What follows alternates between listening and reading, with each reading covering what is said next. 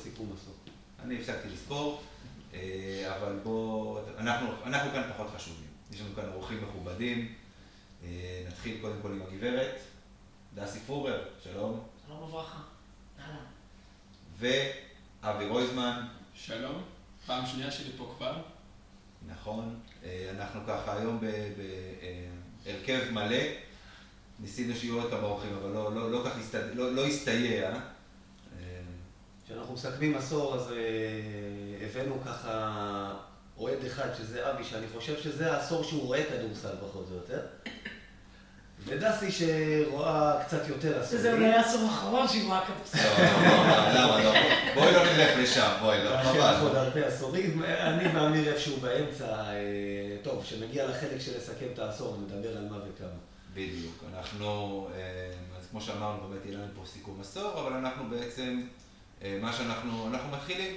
אנחנו מתחילים קודם כל לדבר, על ה-current events, מה שנקרא. בדיוק, כן, על, ה, על הזמן הנוכחי. אה, בואו נתחיל לדבר רגע על מה שהיה לפני שבוע. נתחיל לדבר בעצם על אה, אה, מה שהיה בטורקיה. אה, תשמע, בעיניי המשחק הזה לא משחק של 20 הפרש זה ודאי. אה, יותר מזה, אני חושב שאם אה, קריס אנגלטון לא פוצע לנו את סקוטי ווילבקין באמצע הרבע השני, מכבי יכולה לנצח. אם אנחנו קולים 80 נקודות באיסטנבול במשחק חוץ מול קבוצה שמתיימרת להיות הטובה בליגה עם, עם הרכב מלא, אז אה, בהחלט אני חושב שהיינו יכולים לנצח שמה. ווילבקין, כשהוא כשיר, הוא שווה עוד, חוץ מה-12 שהוא נתן, הוא שווה עוד אה, 15 נקודות בערך, עוד כמה אסיסטים, מהלכים. מלבד העובדה שברגע שהוא פצוע, כל המוטיבציה של שאר השחקנים יורדת. ואפשר לראות את זה גם במספרים הכלליים של ה... הנתונים הכלליים של המשחק, שמכבי הובילה בריבאונדים, בחטיפות, באסיסטים. אה, ברוב הקטגוריות מכבי הייתה יותר טובה מהנדולו, ולכן אני חושב שהמשחק הזה די משקר. אפשר לקחת ממנו הרבה דברים. איפה הוא הלך אגב? על האחוזים אה, מהשדה אחוזים. והאחוזים משלוש. אני בכלל, אני הרגשתי במשחק הזה, ברגע שווילבקין נפצע- חשבתי, אמרתי, אנחנו כנראה באיזה ניסוי ישן. בודקים אותנו כל הזמן, כמה אפשר לפצוע לך שחקנים מרכזיים, ונראה אם הקבוצה תמשיך לתפקד. אה, אתם יודעים, אה, ג'ונטי ווולטרס באותו משחק, וטריק- וכספי לפני, ולא מצליח לחזור, ואז טריק בלק, שזה חתיכת חיסרון. אגב, מאוד בלט נגד אנאדולו, כי שאמרת הרכב מלא לא מדויק, בריאן דנסטון פצוע. וכשבריאן דנסטון בחוץ, אבל לא היתרון בטוח שלך... כבר הרבה זמן. נכון, אבל היתרון שלך היה אמור להיות שם. אות'לו ובלק זה, זה לדחוף כדורים פנימה, ובמיוחד בלק יותר חזק בעניין הזה. וזה משנה את כל הסגנון. תשימו לב שמכבי תל אביב עכשיו, אה, בחודש האחרון הזה, בלי בלק, גם חיה ו...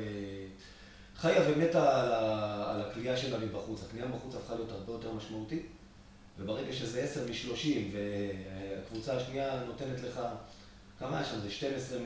16 מ-28 לדעתי, אם אני זוכר נכון. אתה לא יכול לנצח, זאת אומרת, גם אם תיקח יותר ריבאונדים. ולא היה איש גדול לדחוף אליו את הכדורים, וזה היה אמור להיות היתרון שלך אם אה, הברך של בלק לא הייתה מציקה, מה שנקרא. אבל זה ניסוי. אני לא מסכימה איתכם, אני מראש אמרתי שהמשחק הזה ייגמר 20 הפרש, וכל תוצאה אחרת היא בגדר אה, אה, אה, אילוזיה. יותר טובים, הקבוצה הכי טובה, פצועים, לא פצועים, לקחנו יותר רימודים, לקחנו הכל, קבוצה של 20 הפרש, זה בדיוק ההפרש בינינו. במשחק אחד נתון אפשר לנצח, אני לא אומרת. אבל במצב הנתון עם הפצועים והכל, אמרתי שיהיה 20 וככה בדיוק נגמר המשחק. וזה לא משנה, ווילבקין נפצע כמובן שזה השפיע, אבל זה לא. אחרים לא הגיעו. ווילבקין נפצע ואז נכנס דורסי, שבא לי לעצור אותו על שוטטות באמצע המשחק. בן אדם עשה שטויות ברמות שבכיתה א' לא עשיתי כאלה שטויות. אם הוא היה נכנס והוא היה טוב, היה סיכוי. הוא נכנס, הוא לא היה טוב, זוסמן בקושי פוגע. אחרים לא היו. חלשים, לא פוגע. אפס מארבע. ושלוש, הוא ידע, אה. דורסי שלוש- שלוש מ-12. כן, אז אי אפשר, ככה אי אפשר לנצח. עכשיו, זה לא יכול להגיד, אני לא חזיתי מראש שווילבקין ייפצע. אבל ההפרש הריאלי בבית של הנדולו זה 20 הפרש נקודה. אני לא יודע. אני לא בטוחה שאנחנו ננצח אותם ביחד. לא מתייחס... אם אנחנו בסגל מלא, שנייה, שנייה. סגל מלא שלנו, אוקיי? לא, הם יותר טובים מאיתנו, הם יותר טובים מאיתנו. זה לא אומר שלא נגנוב משחק, כמו שנדבר על, אחר כך על ענייני עשור שגנבנו משחקים. אבל מסתכלים על הנייר, אה, הם יותר טובים מאיתנו אה, בצורה, בכל, בכל דבר. את יודעת, אני סתם אני רוצה להגיד משהו, כאילו, אני מסכים איתך, אגב, על הנייר אין ספק שהם יותר טובים מאיתנו. לא רק על הנייר, הם מלפנינו עם מאזן יותר טוב, אתה יודע. בסדר. נכון, הם פשוט יותר אוקיי. טובים. בעיניי הקבוצה הכי טובה בליגה.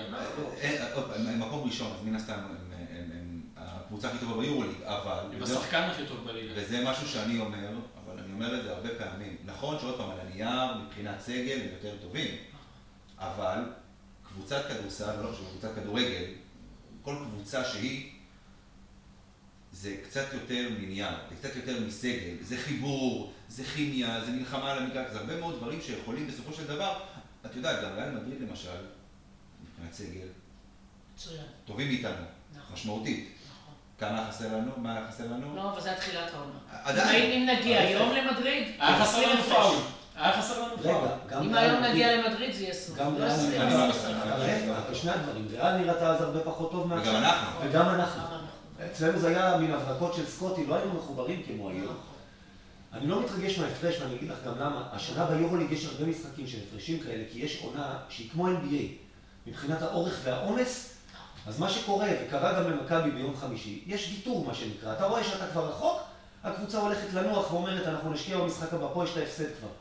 חבל לאמץ את השחקנים לא, אני הקצרים. לא מתרגשת מההפרש, זה אתה צודק. היה שלב- לא שלב במשחק ששיחקנו עם חמישייה, אני מקווה שאני מדייק, סנדי כהן, אה, יובל זוסמן, ש- יבדיה, קלויארו ואלייז'ה זה ברנד כבר אולי, כש- כשוויתרו וג'ק על כהן. המשחק. ואמרתי, זו חמישייה שבליגה לא הייתי חושב שאני אראה. נכון. בסדר, תש- תשמע, בסופו של דבר, עוד פעם, אתם לא הבנתם את הטקטיקה, אנחנו ניתן לנדונו, ניצחו אותנו, יבואו ליד עליון, ניצחו אותנו, ואז בפיינל פור ננצח אותם. זה מה הטקטיקה. שעבד, ב- מה שעשינו ב-2014, כמו שאומרים. קניתי, בוא נגיד, את התסריט הזה אני קונה. זה הטקטיקה. אני, אני רגע, בואו ננוח שנייה מהנדולו, כי לא, זה דסי ואבי, אתם הייתם אצלנו, שניכם, זה פעם שנייה, דסי היית שנה שעברה, אחרי שכבר הודחנו מהיורוליג, כשהיית אצלנו היו אירועי דרבי ואלימות, במקומות אחרים. דיברתי איתך השנה באימון של פתיחת העונה שהיה שם בהדר יוסף, כן. שאלתי אותך, איך, איך נראה לך, מה יהיה השנה? ואמרת לי, יהיה בדיוק אותו דבר כמו שנה שעברה, הקבוצה יותר טובה, אבל היורוליג גם מתחזק. הפתענו אותך? איך אומרים, מכבי הפתיע אותך? זה בעיניי הפתעה מרעישה. איך שנראים עד עכשיו? אני- הפתעה מרעישה, אבל אני גם לא רצה לחגיגות כמו שכל החברים קונים פיינל פור ואקום. מוקדם. אה, לא יודעת, קודם כל העונה מאוד ארוכה, זה כמו NBA, זה מאוד ארוך, צריך לחכות, התחלה טובה, קבוצה מאוד מפתיעה, מאוד מחוברת, משחקים מאוד יפה, מפתיעים אותי, מתרוממים מהפסדים, גם הפרש גדול, חוזרים חזרה, לא, לא נבהלים. משחקים נפלא, משחקים קבוצתי. דרך אגב, מתי אנחנו נופלים? שכל אחד הוא רץ לסב, עושה שטויות במצלגוניות. כמו דורסי כזה, שהוא משחק לבד, כאילו, הוא חושב שהוא ב-NBA. אחרי שווילבקי נפצע, לא היה לו הרבה מי לשחק שם. נכון, אבל תמסור, ברגע שמשחקים קבוצתי, המשחק נראה מדהים, והיו כמה סלים קבוצתיים יפהפיים. זה הכדורסל האמיתי, אם נשחק ככה, אנחנו ננצח כל קבוצה. בטח שהפתיעו אותי, אבל זה אחרי חמש שנים שהפתיעו אותי לרעה. אז מותר לי להיות מופתעת פעם אחת לכיוון לטובה. לא יודע, לא יודע כל כך הפתיעו לרעה חמש שנים. הם אה, הקימו פה קבוצות שאין שום קשר בינם לבין הענף. עם שחקנים כמו אמבקווה ואופייבו שהיה משחק באשדוד. כן, אבל אל תשכח שהייתה לך עונה עם, אה, עם אה, סוני ווינס, שנדבר עליו, ונייט סירבס, שוב, שנדבר עליו. שוב, מי מי שבנה את הקבוצה הזאת, מי שבנה את הקבוצה הזאת, לא חשב.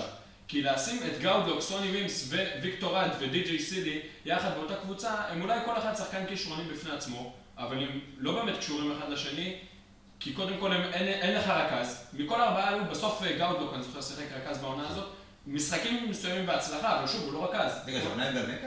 כן. זה זה לא מה שקרה. גלקטיקוס גרסת הכדורסל. כן, אבל זה, לא- אני לא חושבת שבזה נכשלו.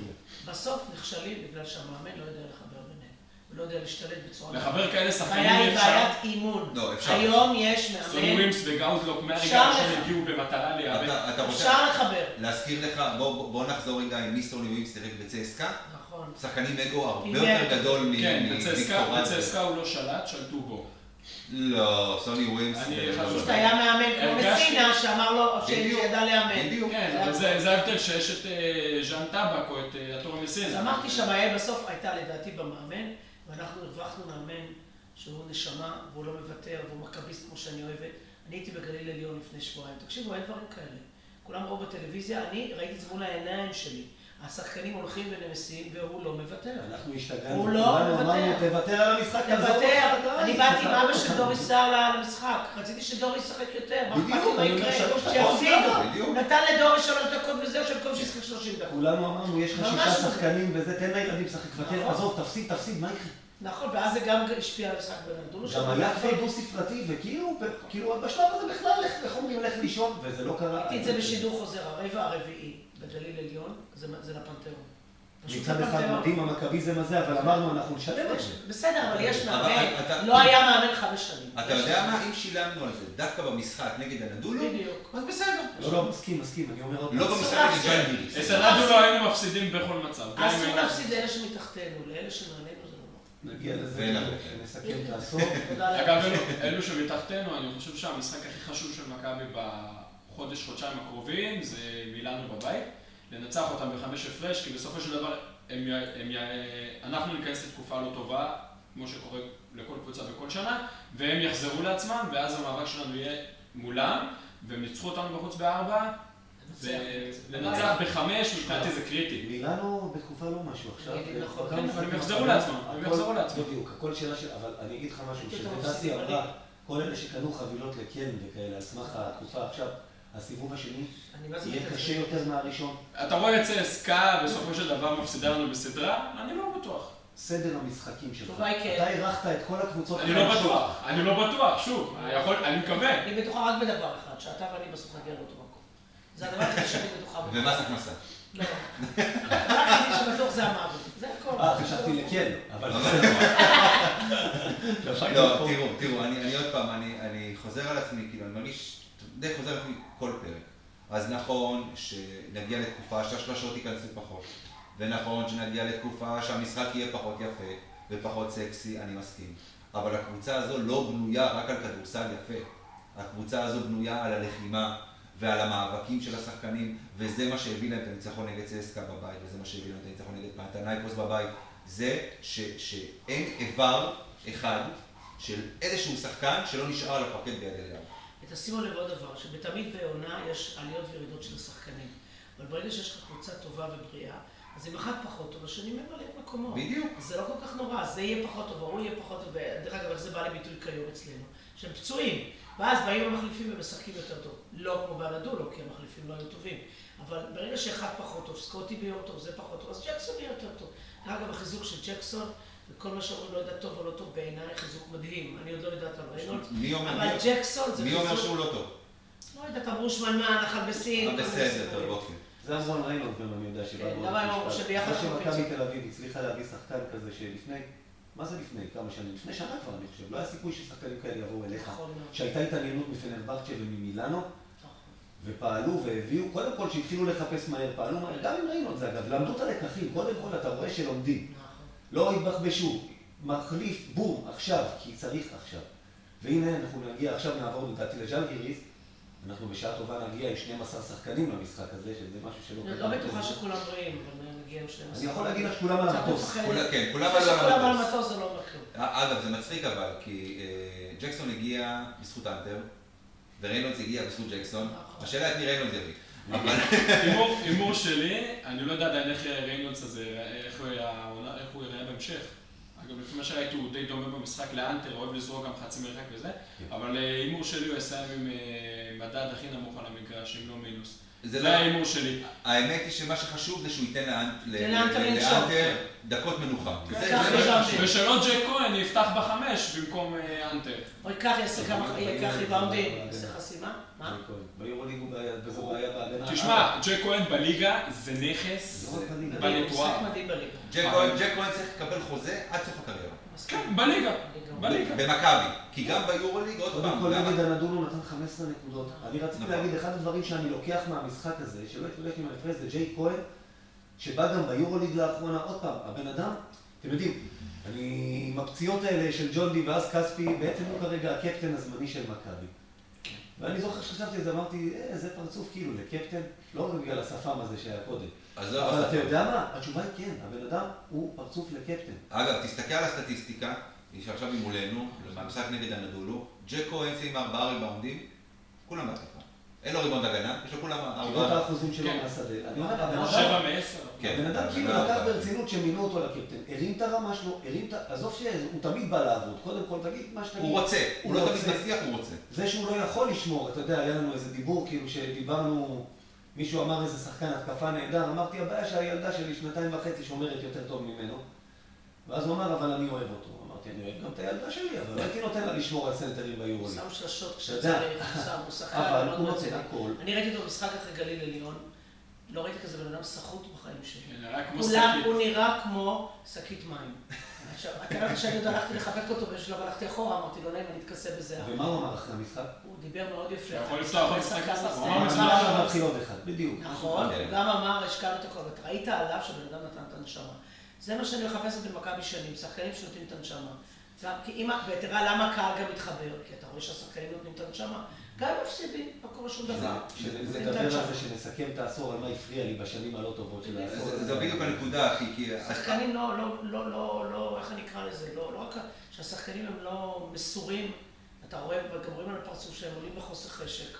יאניס אמר את זה, הקהל אוהב אותי כי אי אפשר לרמות אותו. כשהם רואים בן אדם, או שאכפת לו נכון. ושלא העניין שלה להשתולל, שהוא בא לעבודה, לעבוד, נכון. וש... אין בעיה לקבל 20 הפרש, אבל אתה יודע שהשחקנים השאירו הכל על המגרש. ואז הפסקת, הפסקת, אבל השחקנים נתנו את. המאה אחוז שלהם. טוב, אנחנו נעבור לז'אל גיליס. ז'אן גיריס. אספר לכם עליה משהו. קודם כל, אה, ז'אן גיריס יש לה מאזן לא טוב, ואני אספר לך סקופ. ארבעה ניצחונות מול אה, 12 הפסדים. אבל כולם הפסדים קטנים, הפסדים קטנים, אבל יש לה, היו לה כאן. תשעה הפסדים רצופים עד שהם נתנו. בראש עכשיו. מה זה ניצחון? 25 הפרש במינכן, בדיוק לפנינו, עצר את זה. אה, מי שהצטיין שם, קודם כל, זק לידי, שהיה בגליל. זה באולימפיאקוס. באולימפיאקוס, אה, מיודענו שתפר אותנו פה בשנה שעברה מילקניס. הוא יתפור אותנו גם בחמישי הזה, אני מבטיח לך. וקייסי ריברס שהגיע בנובמבר, אלוף אירופה פעם עם ריאל מדריד, אה, הוא מוסיף הרבה ניסיון, לקח לו זמן, יש לו, עכשיו, נתן 18 נקודות אם אני זוכר נכון נגד באיירן. אגב, גם ז'לגיריס פירקו איזה קבוצה ליטאית עכשיו בליגה. הם הקבוצה היחידה מלבדנו שעדיין מושלמים בליגה המקומית שלהם, מכל הנציגות. זהו, פנטינאיקוס הפסידה גם, הפסידו כבר. פנתינאיקוס אוקיי. הפסידה. כן, פנתינאיקוס הפסידה, גם ביירן הפסידה. ז'לגיריס נגד מכבי ביורוליג בכל הזמנים, 8-16, זאת אומרת במכבי מובילה, אבל היא ניצחה ארבעה מחמשת המשחקים האחרונים שלה, כולל אגב שניים משלושת הביקורים האחרונים ביד אליהו. כן, והמשחק האחרון שכבר הובלנו כן, כן, ב-11 זה- והמשחק היה זה בידיים. המשחק שגמר אותנו שנה שעברה, חד משמעית, משחק שדיברנו עליו, היה לנו שבוע כפול, הנדולו אגב, בהמשך. ועשינו פה עם עודד אז את הפודקאסט, ודיברנו על המשחק הזה, שזה ברור שלוקחים, ואז נראה מה יהיה נגד הנדולו, ואז הפסדנו אותו. בדיוק, כן. זה... אני אומרת, כולם מדברים על ניצחון ז'אק גרס, אני ממש ממש ממש לא בטוחה. אין בטוח, לא? לא, לא. לא בטוחה שננצח. יש שם קהל מזעזע לשחק נגדו. 18,000 איש. והחבר'ה וליטא שם, אומרים שהם פבוריטים. כן, כן. וה- וה- וה- והקהל קשה לשחק נגדו, אני חושב, וגם החבר'ה אני לא בטוחה שכל כך כולם מוכנים לשחק נגד קהל שלם שמטפטף בראש כל הזמן. כי עד היום המשחקים שניצחנו בחוץ היו קהל שלא שלא עודדו. למה? כן. פיראוס? קצת. לא. בבסקוניה? בנאוס הגיעו חצי קהל. אבל בפיראוס זה הקהל, לחיים השנה. בסקוניה, ברגע שאתה מוביל חמש הפרש, אני הייתי בשנה שעברה בבסקוניה שהם ניצחו אותנו 25 הפרש. ברגע שאתה מוביל, הקהל כמעט ולא מעודד. חוץ מקבוצה מאחורי הסל, שזה האולטרס שלהם, שמניפים דגלי כן. פלסטין. נתנו להם כבר פעם, אז שם. דיברנו על כן. המשחק הזה. אז הם, השנייה. באסקוניה זה לא קהל שמעודד, אבל זה קהל שכל הזמן מעודד. קשה לשחק נגד קהל זה. שאוהב כדורסל, זה קהל ליטאים שאוהב הם, כדורסל. אה, דרך אגב, הנדולו- דווקא היה סימן טוב, כי הקהל שם מאוד עודד, ומכבי בכל זאת לא נשברה עד השלב שהוא נקפצה. אמרת, אין משחקים, בטח לא בחוץ, זה לא. השנה, ולכן הסיבוב השני יהיה קשה יותר, כי כל הקבוצות האלה שבבית אתה יודע שתנצח אותם, וילרבן, אלבה נכון. ברלין, ולנסיה, אתה צריך לשחק איתם בחוץ, והם עולם אחר לגמרי. ז'אלגיריס אגב השנה, יש לה ארבע ניצחונות, שניים בבית, שניים בחוץ, הם דווקא, הם ניצחו בחוץ, הם ניצחו את ריאל במדריד, הם כאילו, יש להם את אבל הם הפסידו. בבית, שזה לא היה כל נכון, והבית שלהם אה, מצד שני. נפרץ. אני חושב שאנחנו צריכים לנצח שם, והם חייבים בשבילנו, אתה יודע, לסיים סיבוב 12-5 או 11-6 זה נראה כאילו כבר אחרת, עם עוד פעם הפסד כפול כזה, שההפסדים שלנו באים השנה בכפולות, אבל אני מקווה שזה לא יהיה הפעם. אתה מסיים סיבוב 12-5 זה חלומי, זה הרבה מעבר למה שאני חשבתי ו... אתה, אני- אתה- בוא בוא- בוא לא נדבר על מה מי אתה כן חושב. חשב, בוא, אתה- עזוב אתה... לא, לא קשור, אני לא מדבר על... קודם כל סיימנו סיבוב בלי להפסיד בבית, שזה דבר שאני לא חלמתי שיקרה. לא, בטח לא עם ההגרלה. תשמע, אני לא לא שחשבתי שנפסיד לאלבה בבית, אבל ראית... כן, אבל בבית, צסקה, כן. אמרת אחד, אתה תפסיד מהם, שניים, תפסיד כן, מהם. היום כשאתה בודק את הליגה כמו שהיא עובדתית, פנטינאיקוס חלשה, אה, לא מדברת על צ'סקה, צ'סקה עולה ויורדת, היא לא יציבה. ופנרבכצ'ה קבוצה גמורה. מדהים מה קורה לה, אז, בוא, לא, אז, בוא נחשוב לא רגע. בצורה אובייקטיבית, הניצחונות הרוב כך גדולים. אבל עוד פעם, זה... ניצחון גדול על צ'סקה. כולם אמרו זה חלש וזה חלש. לא, אבל פנתינאיקוס הם לא לא, חלשים. לא- פנטינאיקוס היה ניצחון בכלל, היה משחק. פנתינאיקוס עם פיטינו, נכון, מאז שהוא זהו. הגיע, היא קבוצה נכון. מצוינת. אה, היא קבוצה מצוינת, אבל אה, פנרבכצ'ה זה לא כזה ניצחון גדול.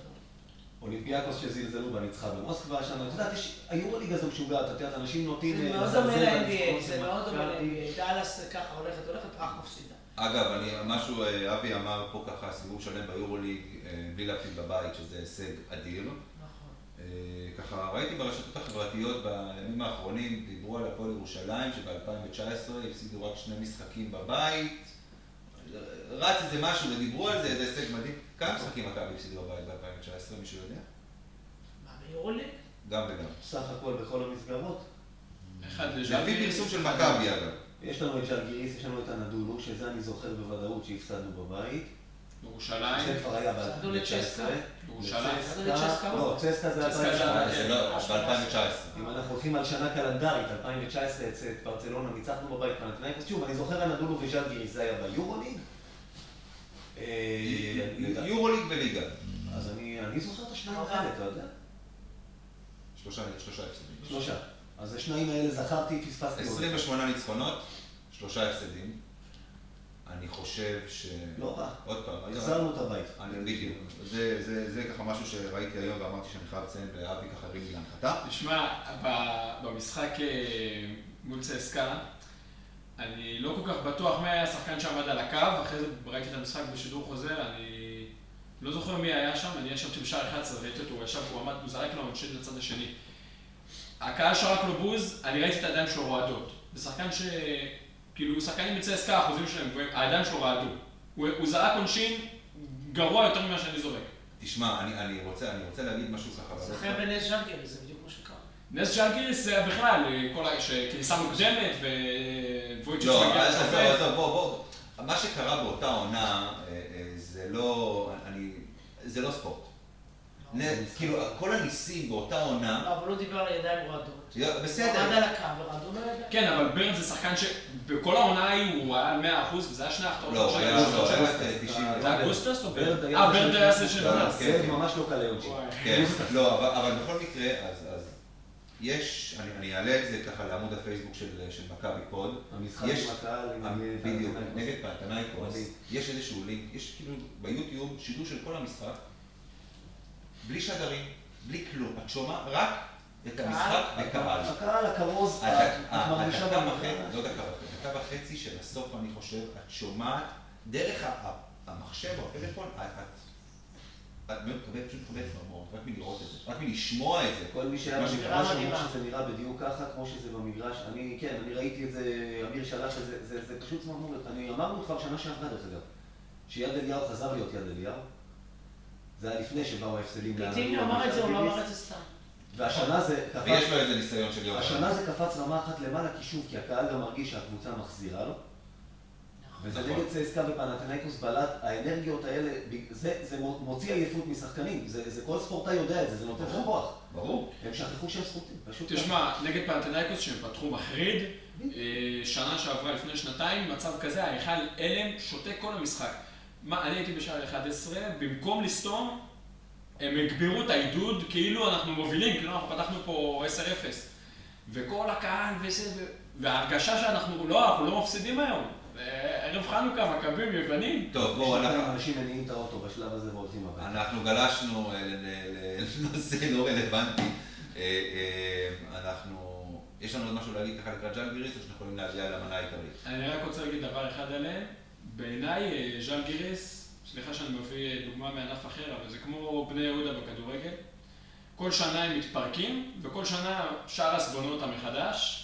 אה, כל שנה לוקחים להם את הרכז המוביל, את הסנטר המוביל, שנה שעברה זה ברנדון דייוויס, קודם זה... איבדו את דייוויס, איבדו את וסטרמן, איבדו את אה. וולטרס. כן, כן. כל. שנה מפרקים אותם לגורמים והם נבנים, השנה זה עוד לא התחבר, אבל ראינו כבר מול ביירן וראינו שיש להם משהו, ואולי עוד כמה משחקים הם יחזרו לעצמם. יש להם מאמן מצוין, יש להם אולם מצוין, יש להם קהל מלחיץ, כמו שדסי אמרה, זה לא יהיה פיקניק בכלל.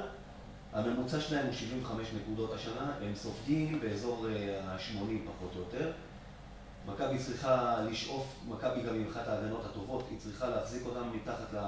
הייתה הכי טובה, אני חושב, הנדולו קלקל. היא צריכה להחזיק אותם מתחת לממוצע, שלא יהיה דווקא נגדנו עוד פעם שהם יגיעו מעל. הם מנסים לכפות קצב הליכה, זה מה שז'לגיריס עושה השנה בניצחונות. מכבי צריכה לרוץ, שאמיר עמיד אומר בכל הזדמנות, כי גם אנחנו מותאמים לזה, ולשחק את ההגנה שאנחנו יודעים, אם זה קורה, אני מאמין שיהיה בסדר. כל הניצחונות שלנו הם במשחק ריצה. בז'לגיריס, ז'לגיריס עוד פעם, אין הרבה שחקנים שיכולים להעניש אותך, אין הרבה.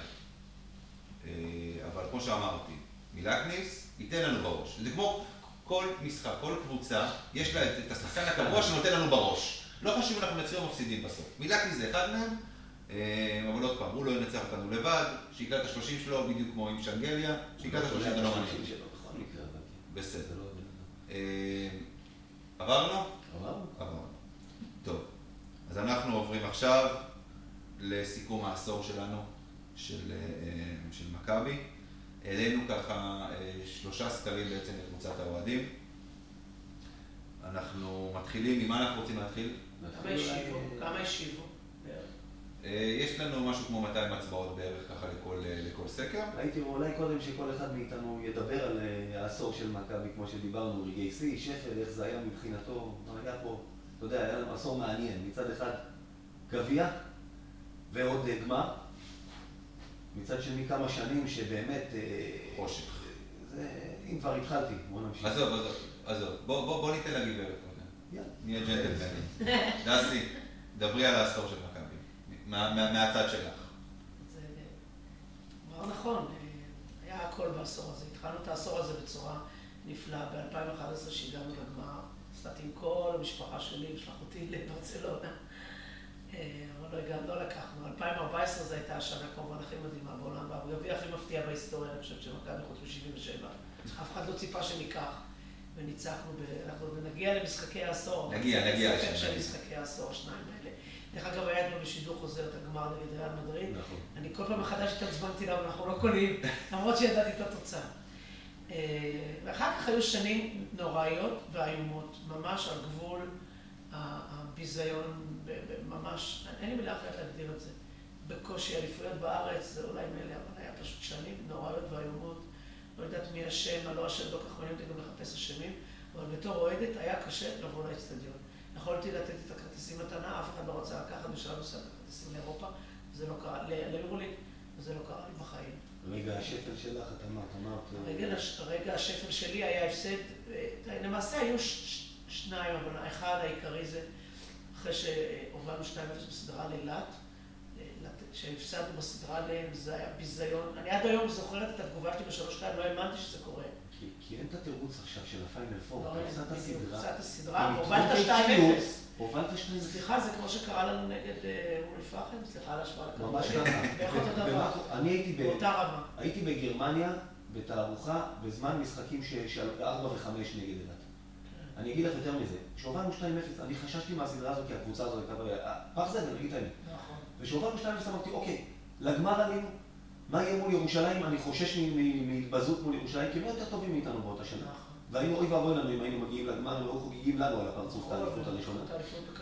אבל כשהיה 2-1, ברגע שאילת ניצחה את הראשון, אני ידעתי שנפסיד את הסדרה, אני אומר לך יותר מזה. משהו לא טוב בקבוצה הזאת, ואני יושב בגרמניה במשחק החמישי, את יודעת, בערב, כי כבר אחרי עבודה כבר קורא באינטרנט, אפילו לא איזה, ואשתי פשוט ראה אותי מסתכל בטלפון ומקלל ומתעצבן, כי אני רואה שהם כל הזמן בפיגור, והיא לא מבינה מה עובר עליי.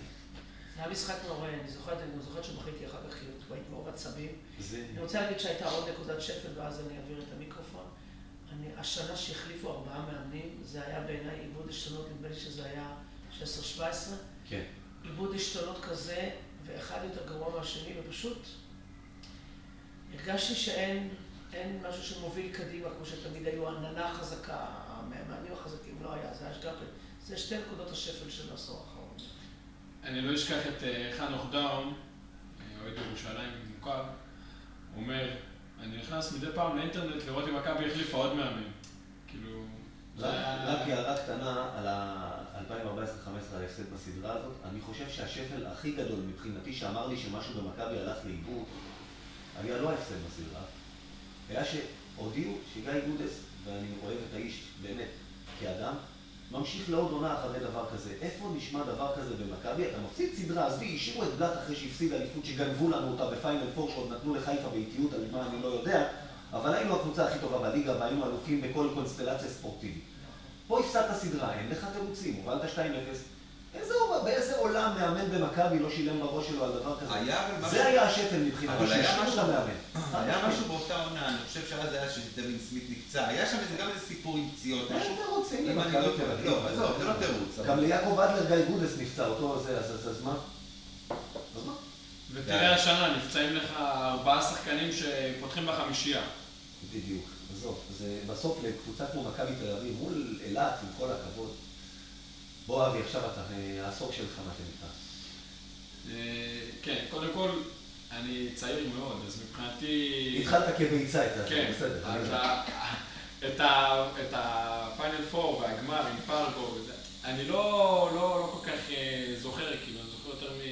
אני זוכר את זה, אבל יותר מסיפורים, וזה, ראיתי את זה.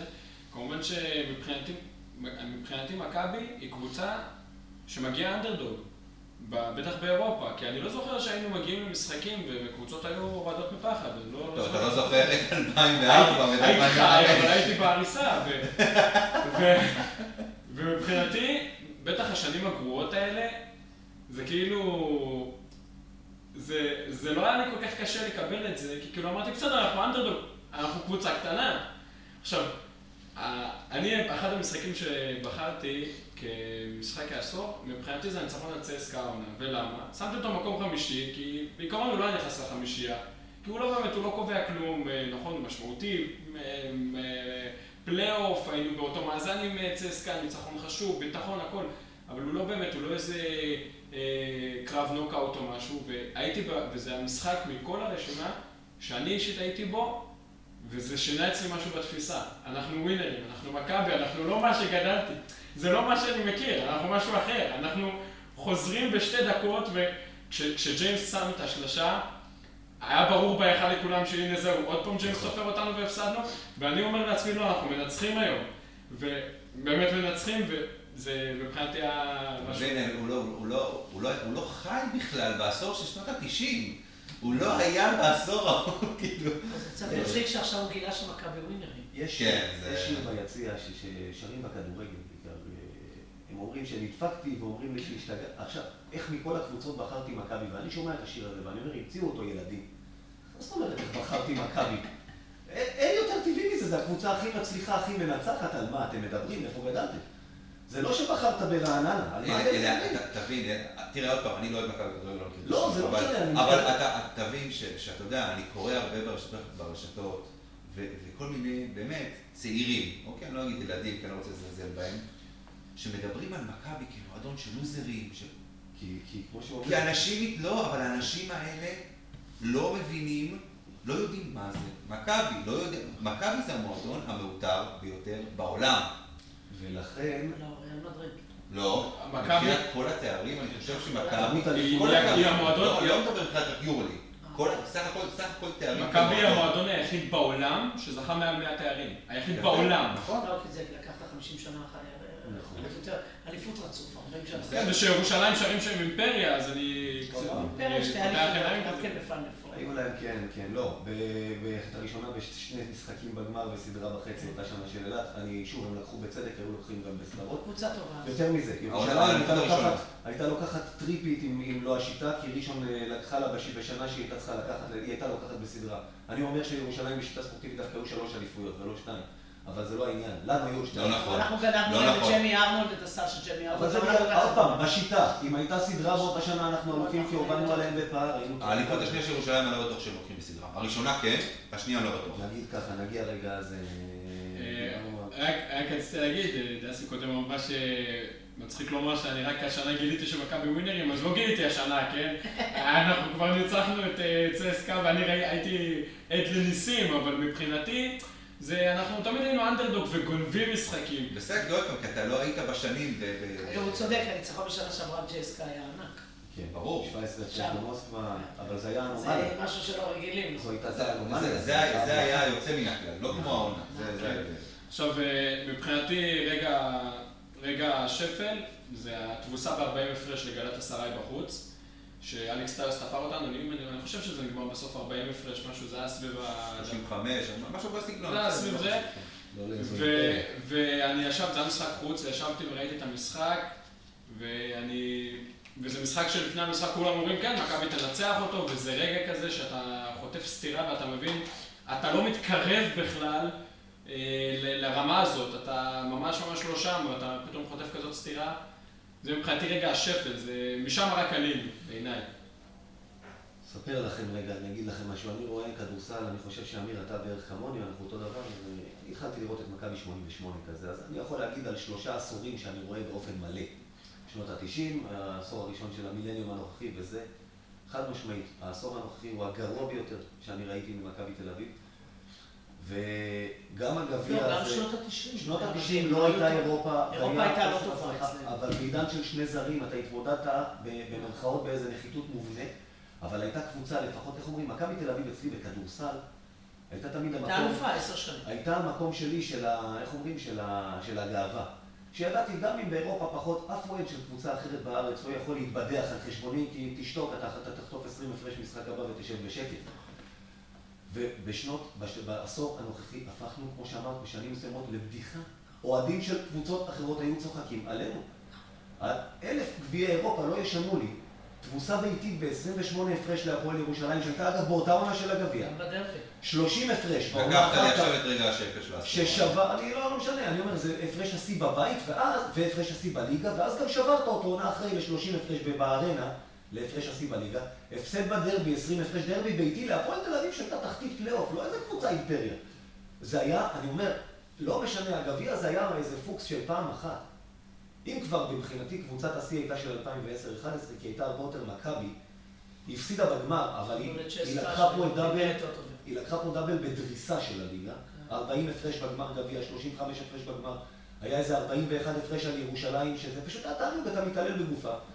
ככה אני אוהב את מכבי, אני, אני בן אדם הכי לא אלים שיש, אני מכות לא הלכתי מכיתה ג', אני אוהב אה, להיות נחמד, וכשזה מגיע למכבי, אני, אני מרגיש את החשק להיות כמו הבריון השכונתי, שאם בא איזה מישהו מירושלים או זה ומרים את הראש, אני רוצה לא לתת לו סטירה להוריד אותו, לדרוך עליו, מה שנקרא, להכניס לו את הראש באסלה, כמו שעושים בסרטים האלה של הבריונים בארצות הברית, ולהוריד עליו את המים, וככה שמכבי עושה את זה, ככה אני אוהב את מכבי, מה שנקרא. כי אנחנו מכבי. הקבוצה של 2013-2014 לקחה את הכל, היא הייתה ווינרית, היא לא הפסידה אף הערכה באותה עונה, אבל הכל נגמר בהערכה. גם היורוליג, גם הסדרת שני משחקים פה בליגה, היא נגמרה בהפסד ביתי, ואז היית צריך לנצח הערכה כדי להגיע. הכל היה בעצבים, הכל היה ב- בקושי כזה. זאת לא הייתה קבוצה מדהימה, זו הייתה קבוצה עם המון בעיות ועם טונה של מזל, צריך להגיד ככה. תזכור, אה, אני רוצה להזכיר את ההפסד בבית לככה לגורל. התבוסה, כאילו, מי חשב אז שמכבי ברמה הזאת של להגיע לשם? לא, לא, אף אחד, אבל גם, שוב, זה באמת היה... גיא פנימי. שלא קורה, כן, בדיוק. אני אומר, הציל לבלט את העונה באיזשהו משחק שם אה, נגד אילת, נדמה לי. הוא- נגד לוקומוטיב גם. לא, הוא הציל לבלאט את העונה במשחק נגד אילת, בליגה. מה שאני אומר. כי אם במשחק הזה מכבי מפסידים והם היו בדרך להפסיד, בלאט מקבל כרטיס לכיוון אחד. אז אגב, רגע השפל שלי, דסי דיברה על העונה הזאת, 2016-2017, כי היא לקחה לי את 2014-2015, היו לי שני רגעים. זה קודם כל להפסיד סדרה, וכמו שאמרתי, עוד להמשיך עם המאמן.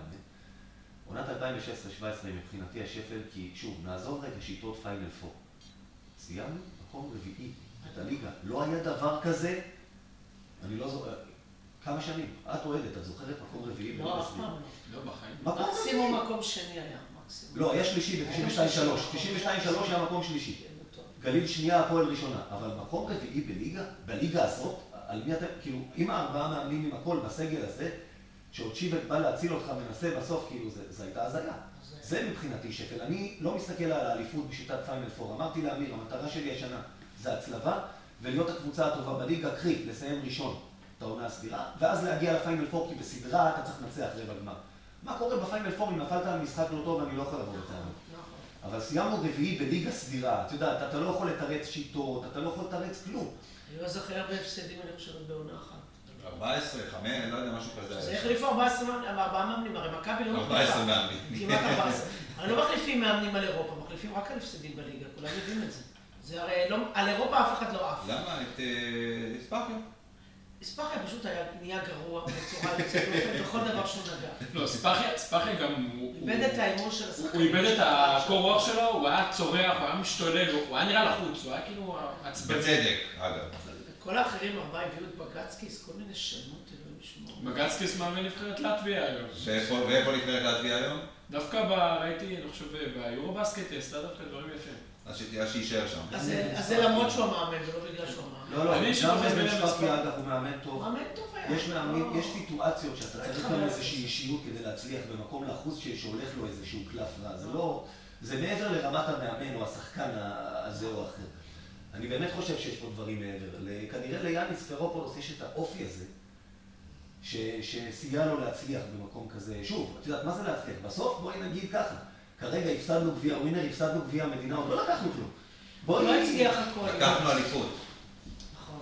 שנה שעברה, כן. בואו נראה מה יהיה השנה עם הקבוצה הזאת. תראה, קודם כל ספאחיה יש את אחוז ממנו, יש מקצוע מצוין, אבל הוא לא מתאים למכבי, הוא לא מתאים בכלל כמאמן יורוליג. הוא, הוא יכול להיות עוזר מאמן ב-NBA, איש מקצוע טוב לעבוד עם שחקנים, לשפר אותם, אבל לא, לא ללחץ הזה שאתה צריך לנצח כל משחק. ספרופולוס הוא מאמן יורוליג. אנחנו, זו שנה ראשונה, מאז בלאט שאנחנו פותחים עונה עם מאמן שהוא טופ יורוליג. והוא, קודם כל הוא הפך את הקבוצה ליוונית בסגנון שלה. אז זה התאים לו והסתדר לו בדיוק, והכל, וגם כשאתה יודע, כשמנצחים אז הכל הולך. אם, אם פתאום יבוא רצף הפסדים, אז ידברו קצת אחרת, אז כש, כשמנצחים והולך, אז הכל טוב. וזה מסתדר לו, והוא הוא מאמן יורוליג, אז לכן, לכן הוא מצליח. ספאחיה לא מאמן אני יורוליג. רוצה להגיד לך משהו לגבי יאניס, לגבי ההפסד בגביע. בסוף יאניס, הוא בונה את כל המשחק שלו, בסוף על ווילבקן. אנחנו נקום וניפול על השחקן הזה. ומה שקרה בהפסד לירושלים בסוף בגביע, זה היה 4-5-6 התקפות אחר- אחרונות. אה, ווילבקן מקפיץ את עצמו לדעת, או שהוא קולע או שהוא לא קולע. וככה הפסדת את המשחק. אם היינו משחקים את אותו משחק קבוצתי שבו אנחנו כל כך טובים, היינו מנצחים גם בגביע. הם היו במין סוג של אופוריה אחרי הליגה, אחרי שניצחנו בקלות את ירושלים בליגה, ודורסי בא וכלה חמש שלושות. ודורסי בגביע היה חושך מצרים. אז שוב פעם אנחנו חוזרים לאותו סיפור, רק יקום וניפול על השחקנים, שיהיה המאמן הכי טוב בעולם, הוא לא יכול לנצח את כל המשחקים. פעם היינו חושבים במכבי שאנחנו מנצחים את כל המשחקים. זה לא קיים כבר שנים. לא, מנצחים את כל המשחקים, ואפשר גם להפסיד בליגה. ולא באו מספיק מוכנים מנטלית ולגביע. את המשחק נגד ירושלים הפסדנו בהגנה, לקבל מעל 90 לדעת איפה נקודות. להפסיד, נכון? לא רק הגנה, כשקולים מטורפים מולך, קשה לעמוד בהגנה, ראית את זה גם נגד הנדל. היינו מעדיפים שכל להיות- השלשות נכנסות. אבל השלשות כשהשלשות החופשיות אז הן נכנסות. זה חלק. כשאתה. סוגר את ההגנה, אתה חוטף. לג'קובן בראון נכנסו שלשות שגם עוד שנה, עוד שנתיים לא נכנסות. כאילו, בכל משחק... לא לבראון, בראון קולע, זה הסליחות שלו. לא- בדיוק, אלה שהוא. שלו. בראון במשחק הליגה, במחצית הראשונה הסתכל על הפרצוף אישי, אני זוכרת שהוא הסתכל עליי וחייך לי בפרצוף, ובחצי השני כמעט עשיתי לו אצבע מגונה. שיתקו אותו. כי שיתקו כי אותו. שמרו עליו. בראון קולע כי הוא קלע טוב, אבל עובדה שהוא לא קלע בחצי השני בליגה. כי שמרו עליו זה טוב, הכל. זה- זה זה העניין. בגביע ההגנה שלנו לא תפקדה, אבל בואו נתקדם, אחרי זה נביא את הפודקאסט הזה ונסכם כבר גם את העשור הבא בפרק- הזה. אה, שלוש מילים אני רק רוצה להגיד. אה, אה, תורך. כן, כן, אני עושה את זה מאוד מאוד קצר. דיברתם פה על השנים השחורות של מכבי. אני לא בא לסנגר על מכבי, כי השנים האלה היו שחורות משחור. אבל אל תשכחו שאחרי, לא, לא אחרי הזכייה ביורוליג, עונה אחרי זה היה נגע גודס עם ההפסד בסדרה לפנרבכצ'ה, ואחרי זה השתנה הפורמט. זה כבר הפך לשיטת ליגה, זה כבר הפך משהו שונה. יכול להיות שלמכבי פשוט לקח קצת יותר זמן להתרגל לשיטה החדשה. אבל לכן דיברתי על השפל בגלל הצד של הליגה. לא, בסדר, אין בעיה. אין בעיה. בסדר גמור, זה סתם איזושהי לא נקודה בטוחה קטנה. שזה הסבר, אבל בסדר. לא יודע, יכול להיות, יכול להיות שכן, יכול להיות שלא, אין לי מושג. אה, אה, אז אה, כמובן שעוד פעם, ההיילייט שלי של העשור הזה זה הזכייה ביורוליג, זה די ברור. אה, רגע השפל שלי זה, אתה הזכרת את זה קודם גל, הכניסה לירושלים ביד אליהו, באותה שנה הזכייה ביורוליג, כי עוד פעם, אה, כמו ש... ש- אה, חוץ מאבי, אבל כולנו פה לקחנו בעצם רגעי שפל, אני חושב, של- שקשורים לליגה, נכון? שקשורים לכדורסל בארץ, כי פה זו, זה, זה, כמו ששמעון מזרחי אומר, הלחם והחמאה. הלחם והחמאה, בדיוק.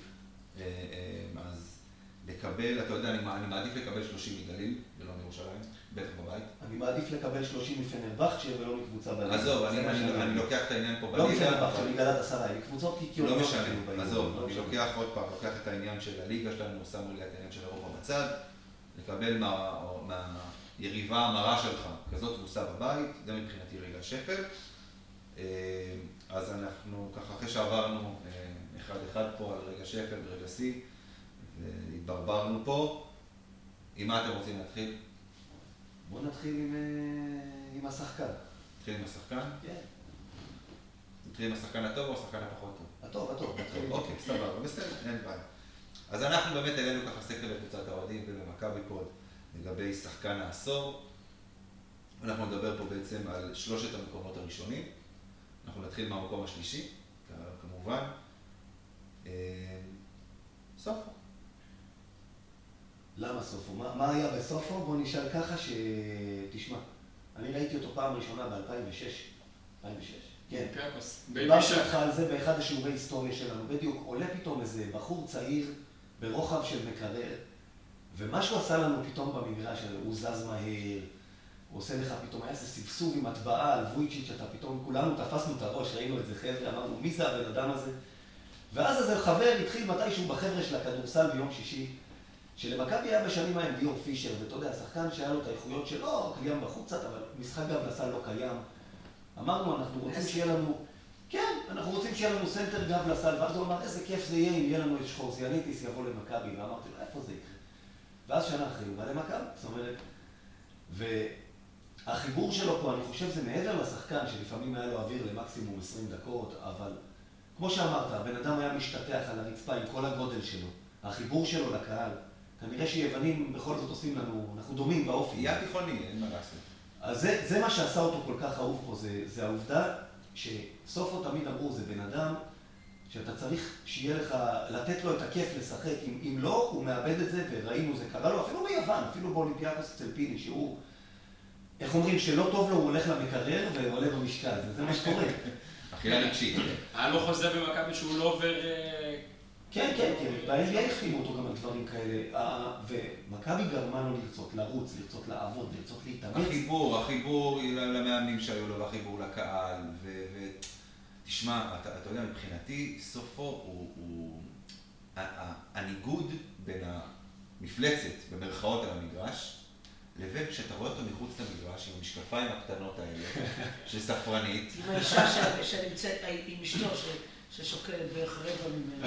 רבע ממנו, כן. ו- ואתה יודע, אתה שומע אותו מדבר, אתה יודע, אתה רואה בן אדם בכזה גודל, אתה מצפה לש- אתה מצפה לשמוע, לא יודע, שאגה. נורא רגיש, הוא סובל במצבי רוח. מבחינה אישית הוא בן אדם מאוד מסובך. כנראה שגם אותו חלאת אדם אוהד הפועל ציפה שהוא יהיה עדין, שהוא אה, כן, בדיוק. השמיע לו את הקללות האלה. אני חושב, אני חושב שעד היום הוא מחפש, את ה- האוהד הזה מחפש את היציאה שם בהדר יוסף, כי הוא... לא, לא, זה אותו שהרביץ למעשה של כן, כן, כן, כמובן אמרתי את זה כן. בציניות, שהוא אוהדים כזאת ריצה. ו- VIP מהמועדון אה, הנפלא, עם הקהל הנפלא של האוהדים. בסדר, אנחנו בדיוק, לא כן. מסכמים את העשור שלהם עכשיו, אנחנו כן. נעזוב. זה מאוד קל לסכם את העשור שלנו. כן, שום דבר עם כלום. אה, פה ביבי, כן? לא היה... לא, זה היה לא, מדהים. לא, כן, כן, כן. כן. כמו שאמרת, האופי העדין הזה, והנה עד היום, עכשיו אה, ברכה לחנוכה, פרסם, ראי, שמנו את זה בפייסבוק, הוא לא שוכח את התקופה במכבי. מכובד, הוא נכון. אומר, אחד המקומות שהכי הכי אהבתי, אם לא המקום שהכי אהבתי להיות בו. אתה יודע שאתה- שטיילתי במשפחה שלי ביוון, והגענו לאיזה חור, נכנסנו לאיזה מסעדה, ואז הוא אומר, הוא שומע הוא אומר, אה, ישראל, ישראל, בדיוק זה אבא שלנו, אז הוא אה, סופו אצלכם. בסוף הוא היה אצלי לפני כמה חודשים, אכל עשרה המבורגרים בעשר פיצות. סיפור אמיתי. אה, אז אנחנו ככה באמת מסוף עוברים למקום השני. דויד בלו, דיוויד בלו, חמוד, אני עכשיו מדבר, אני מתה עליו. בבקשה. לא, אנחנו יכולים ללכת? אני מתה על כל שחקני מכבי, אבל בלו, הרי היה לו שתי קדנציות במכבי. שלוש. שלוש, נכון. בלוטנשטיין, שלוש. בלו. אבל בקדנט, השחקן הכי מתקדם בהיסטוריה של מכבי תל אביב זה, זה בלו. כאילו, איך קיבלנו אותו, ואיך הוא יצא ממכבי ללכת להתעסק בנדל"ן, אה, זה אי אפשר לתאר, זה שני אנשים שונים. אני כבר לא מדברת על הגוף שהשתנה והוסיף שרירים והכל. אבל זה היה בסוף השחקן האולטימטיבי. זה השחקן שהיית מקבל ממנו סל מתי שהיית רוצה. זה דברים כאלה, זה לא נתקלים בזה, אבל אני מזכירה לכם שב-2004, ביד אליהו, בגמר החד צדדי לחלוטין הזה, גם כלה, ועוד הלך החוצה ושיחק וחזר, ופשוט אה, היית משחק ב-2014, עוד פעם, כל פעם שהיה צריך סל, נתן את הסל. וזה שחקנים שעליהם אנחנו חולמים בלילה. כן, דיוויד בלו אחרי מספר 2 לגביע ב-2014, כמובן השלושה וחצי, אבל גם היה לו בגמר אה, שלשה מטורפת במחצית. נכון. וזה בעצם השאיר אותנו במשחק, זה לא פתח את המחצית השנייה אחרת. הוא גם היה שחקן הגנה מדהים. הוא הגיע ארצה כאיזה לפלף. והוא סיים את הקדנציה שלו במכבי כאחד משחקני ההגנה הכי טובים שהיו במכבי. בדיוק. הוא עם עשר שנים קודם לכן. הוא קודם כל שותף לשני גביעים, אחד של מכבי 2004, זאת אומרת, הוא לקח גביע אחד עם מכבי הפייבוריטית הגדולה, נכון. ואחד כמכבי האנדרדוג הגדולה. ועשר שנים באמצע. והיה באמצע קצת NBA, קצת זה, אבל אם הוא היה שומר... אבל שלושה גדולה בוויטוריה. אם הוא היה שומר אז, ברמה שהוא, שהוא שמר בסוף שלו במכבי, הוא היה נשאר יותר ב-NBA, הוא לא מגיע עוד פעם פשוט ככה. השלושה היה לו נגד פנטינאיקוס בהצלבה בסדרה עם 2012, משחק מספר 2 שנתנה בהערכה, הסדרה הענקית, אגב. כן, הסדרה הכי טובה. אחד גם, אגב, אז הייתה קבוצה טובה, אחד מהרגעים היותר טובים של העשור הזה, אה, אבל זה... היה דויד בלו, היה קצת עצלן. אבל כשהוא חזר בשנים האחרונות, כבר לא היה עצלן. אני מזכיר לכם ש-2013-2014 היה לנו דיון, אמיר, אתה זוכר את זה? שאמרו שהוא רוצה לחזור, מכבי בנתה כבר את הקבוצה.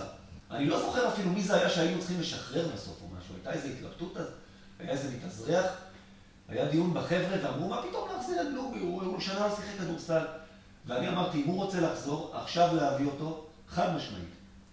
כל הדיבורים פה על דיוויד בלו, ואף אחד מכם לא אמר את המילה שמגדירה את דיוויד בלו. ווינר. כן. הוא ווינר אדיר. ואמרת משהו דומה, כל פעם שהיה צריך סל, היינו מקבלים את הסל הזה ממנו, אה, אה, והוא לגמרי... אה, שחקן נפלא, דרך אגב הייתי לוקח אותו עכשיו למכבי.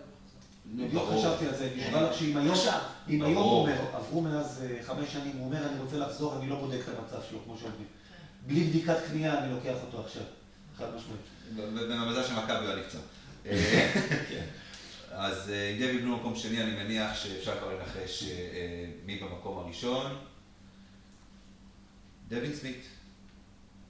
דווין סמית, שהעביר שש עונות במכבי אה, בעשור הזה. לצערנו העונה האחרונה... היה יותר פצוע מאשר בריא, אבל מה שהוא נתן, מה שהוא נתן באמת למכבי בעשור הזה, בשנים שהוא היה, תענוג. אני חושב שכשלקחנו את הגביע הזה ב-2014, היו שני דברים ששמחתי בגללם.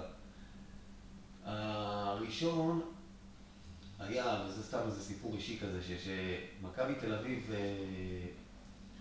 שיחקה באותה שנה, היה כל, אני הייתי רואה כל בוקר את הסיכום הספורטיבי של יורו ספורט, על אה, כל יום היה סיכום משחקי אתמול מכל הענפים, כדורגל, כדורסל, והראו יורו הראו את כל המשחקים, והתעלמו מהמשחק של מכבי כל הזמן, אלה שהיו בארץ.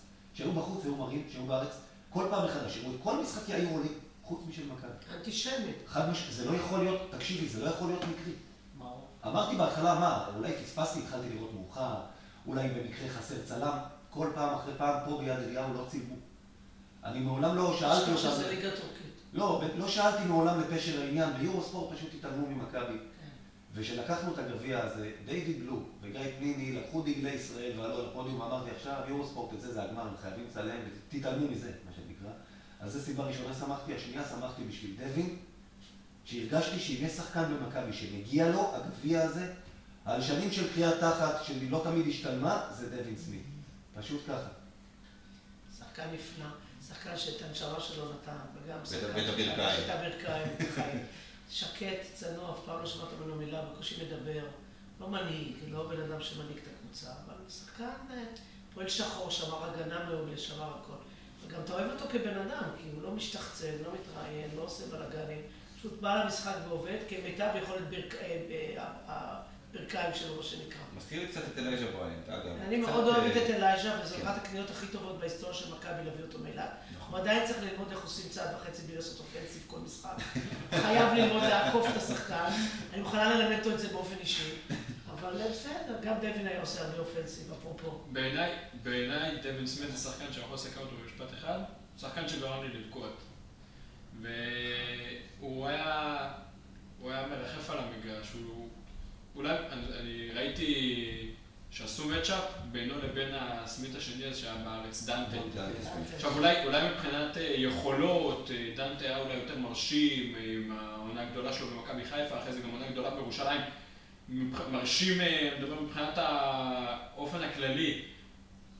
מבחינתי הם בכלל לא באותו לבל, כאילו אני לא מבין איך היו מזכירים את אותה מילה, כי דווין סמית זה היה שחקן שהוא היה הרבה מעבר לכדורסל.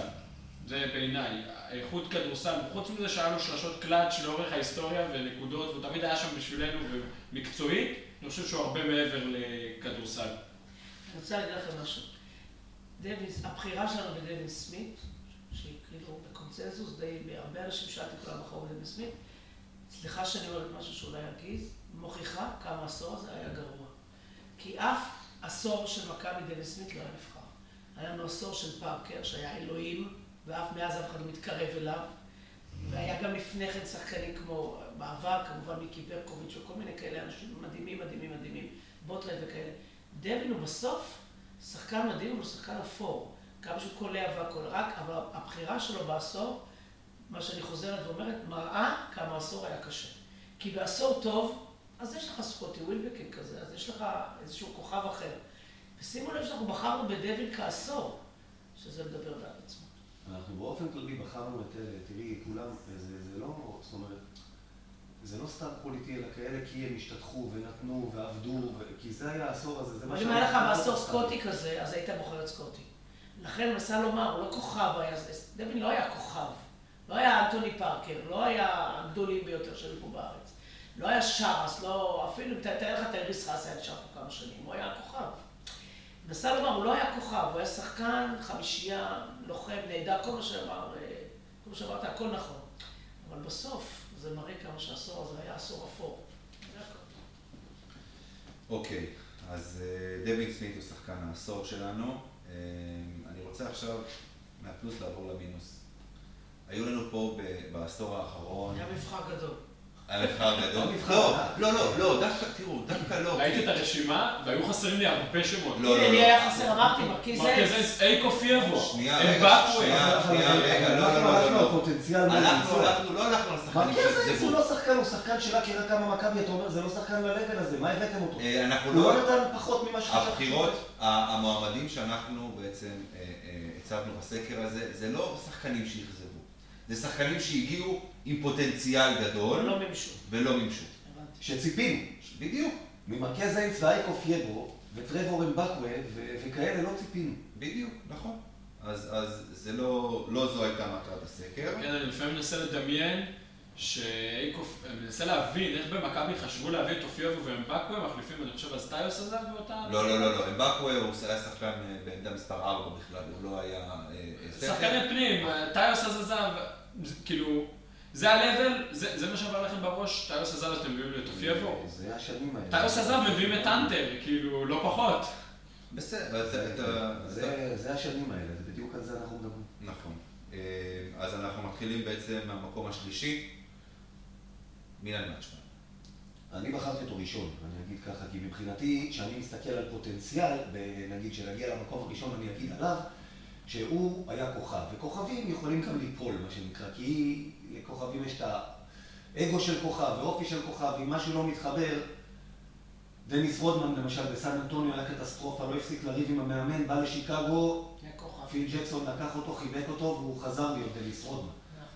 וזאת אומרת, שוב, star quality כאלה. אז אה, מאצ'מן היה מין פוטנציאל בוסרי כזה. דרך אגב, שעזב את מכבי. בדיוק. היה לו עונות נפלאות. נכון, הוא, שחקן, לכן הפספוס הגדול, כי מכבי פספסה. הוא הגיע להיות שחקן נבחרת סרביה, בסרביה לא משחקים ליצנים, אתם יודעים, זה, אם אתה שחקן נבחרת שם אתה יודע לשחק כדורסל. הוא שיחק במילאנו, הוא שיחק בפרטיזן, הוא עשה לנו קצת, אה, נתן לנו קצת בראש. לכן כל אקס. בחרתי אותו ראשון, כי מכבי, הוא פשוט לא עשה כלום. הוא לא קיבל דקות, לא בליגה, לא באירופה כמעט. הוא פשוט ישב עצוב על הספסל, מכבי פספסה פה שחקן, בטח באירופה, אתה יודע, שחקן שיכול להתמודד, יכול להצליח, קליעה מבחוץ, אינטליגנציה מאוד גבוהה של משחק. ולכן הוא הפספוס הכי גדול מבחינתי. אה, אז אנחנו נעבור עכשיו למקום השני. מי שנבחר במקום השני, צ'ירבס, אני בחרתי במקום הראשון. אני חושבת שהוא היה הפוטנציאל הכי גדול, אנחנו קיבלנו אותו אחרי אה, עונות נפלאות. בביירן מינכן. מהכוכב האדום. כוכב האדום, סליחה, כוכב האדום, סליחה. הוא עבר האדום. קרא אותנו במשחקים והיה שחקן מדהים, ובא לפה ולא היה כלום, זה היה דבר מדהים לראות את זה. הוא היה עולה למשחק ופשוט לא מצליח לעשות שום דבר. הוא נפצע לדעתי, היה הוא פציעה נפצע יותר. מאוחר. כן. אבל פשוט לא עשה שום דבר. בעיניי אחת הנפילות, אחת התקוות הגדולות שהביאו למכבי, כאילו שקנו אותו, כולנו אמרנו, וואו. כן, כן. בהחלט. הוא הגיע גם עם קורסי מילר, הגיע אגב, עם שגם... אה, שזה היה גם, הביאו אותם ביחד וזה היה נהדר. הביאו. ביחד וזה היה מאוד מאוד מבטיח, וזה הייתה כמובן, וזה היה כמובן פלופ, כמו שאמרנו. אגב, אני באמת, אני זוכר משחק אה, שפתאום אה, בדיוק גם איזה חבר יורד עליו בוואטסאפ, ואז הוא נגד נדולו בבית, בדקות פתאום עשר נקודות רצופות כאלה, ופתאום התחלת לראות מה הוא יודע לעשות. ובזה הוא נעלם והמשיך להיעלם, כמו שאמרת, ההיעלמויות האלה, כאילו חוסר חשק, דיברנו על החשק קודם, על שחקנים שנותנים, הבן אדם בא לפה עם, פר, איך אומרים, פרצוף איכה כזה, הוא בא במין, לא בא לי להיות פה, פשוט ככה. לא- זאת הייתה לא. ברור למה. נכון, לא, לא, אני לא, אני לא חבר, אני לא יודע. לא, אבל אולי זה השחקן, זה הפרצוף שלו. מנצח, מפסיד, מצליח, לא מצליח, אבל זה הפרצוף שלו, ואלה לא השחקנים שמתאימים למכבי. אני ראיתי אותו בכוכב האדום, אתה יודע, באווירה אחרת לגמרי עם הקהל, ראיתי דרבי מול פרטיזן, והוא היה אנרגטי וזה, ובסוף הלך לחגוג עם הקהל ניצחון בחוץ וזה. אמרתי, זה מה שאני רוצה במכבי, והוא בא אלינו כאילו... רגע, זאת אותה עונה עם 12 שחקני יורו? זאת אותה וואו, עונה. אני לא יודע, היו כל כך הרבה. זה זה העונה עם ווימסטון וזה, זה העונה של- נו, כן. כן, כן. אוקיי. אה, אה. תראו, בסופו של דבר, אה, מייק צירבס עוד פעם הגיע לפה כחלק מקבוצת, קבוצת כוכבים שהייתה אמורה להיות. עם ווימס כמו וגם... כמו גלקטיקוס בכדורגל. נכון, בדיוק. היסטורי. ו- ו- ואגב, אגב, הקבוצה הזו, כשבנו אותה, אתה יודע, אני שומע תוכניות ספורט, ואני זוכר שגם אז שמעתי, לא היה פרשן כדורסל אחד שאמר שהקבוצה הזו לא תצליח. לא היה אחד, כי מבחינת חומר השחקנים, ודיברנו קודם, בתחילת הפרק היום, על חומר שחקנים של הנדול וחומר שחקנים של רעיון מדריד, חומר השחקנים בקבוצה הזו היה מדהים. אגב, גם הצוות המקצועי שבנו על הנייר, אתה יודע, יכול היה להיות כזה שרוצה לעבוד ויכול להצליח. חוכמה בדיעבד אולי, אתה לא יכול להביא לסוללת כוכבים כזו, ווימס, גאודו, צירבס, מילר, מאמן כמו אטלשטיין שהוא חסר ניסיון, ויורלד. אתה לא יכול. ועוד פעם, אולי זו חוכמה בדיעבד, כי אני, אני, אם אני זוכר נכון, כשמינו את ארז אדלשטיין אמרתי החלטה מעולה. נכון, אמרת, גם אני אמרתי. אז, אז אז, רמי אדר ולובין בתור עוזרים, גם כאלה שהוא מכיר, שיודע לעבוד איתם. נכון, אז, אחלה. אז, אז אולי זו עכשיו חוכמה בדיעבד, לבוא ולהגיד לסוללת כוכבים כזאת, אתה לא יכול להביא מאמן. אני רק זוכר דבר קחו לכם את הסוללה הזאת עם אה, עם יאניס. לא יודע, זה עניין מגיע של... לשמיים. יאניס רוצה, השאלה איזה הגנה גם היו משחקים החבר'ה האלה. אה, איזה הגנה חשבת שהחבר'ה האלה ישחקו? של השנה, ותראה מה הם עושים. נכון. זה תלוי, זה, לא תלוי מאמן. אני זוכר את אדלשטיין במסיבת עיתונאים שהציגו אותו במכבי, ומייק צירבס כבר הגיע לפה לארץ גם בשביל בדיקות וכאלה. החתימו החתימו אותו ואת מילר לפני אדלשטיין. אדלשטיין נכון, ואדלשטיין דיבר ואמר לו, וולקאם, הוא קרא לו מליק דרך אגב, ולא מייק, אבל לא משנה. זה מייק צירבס, אבל הוא קרא לו מליק צירבס, אז הוא אומר לו וולקאם מליק, ואני חושב שעד שהוא סיים את המשפט, לא צירבס ולא אדלשטיין כבר היו במכבי, משהו כזה. כן. אה, אה, אז טוב, אז אנחנו עוברים למקום הראשון, והזכרנו אותו כבר כמה פעמים היום. אני חושב אולי הסופרסטאר הכי גדול שהגיע למכבי, שלא הצליח. שלא הצליח, כי שלא הצליח. היה סופרסטאר לא פחות גדול שהגיע. מדברים- סקוטי סופרסטאר. לא, לא, אבל סקוט- סקוטי הגיע למכבי כסופרסטאר, אבל הוא עדיין לא של בשיא. שלו. סטייל רוקי כזה. הוא הצליח, לא, לא, לא. שעכשיו הוא נכנס לא, לא, לקריירת לא, יורוליג. לא, לא, לא, כן. עזוב. במידה סופרסטאר של שלנו יורו. סופרסטאר, כן. כמה כסף. לאו דווקא, לאו דווקא, אבל סקוטי הגיע כ-MVP של היורו-קאפ. נכון. הגיע באמת, כעוד פעם. הוא לא הגיע כרוקי.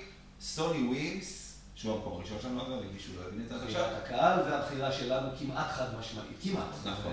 שניים פה מארבע והקהל באופן גורף. סופרסטאר אדיר שהגיע עם הרבה רעש וצלצולים ועזב עם בדיקת סמים שהוא לא ביצע.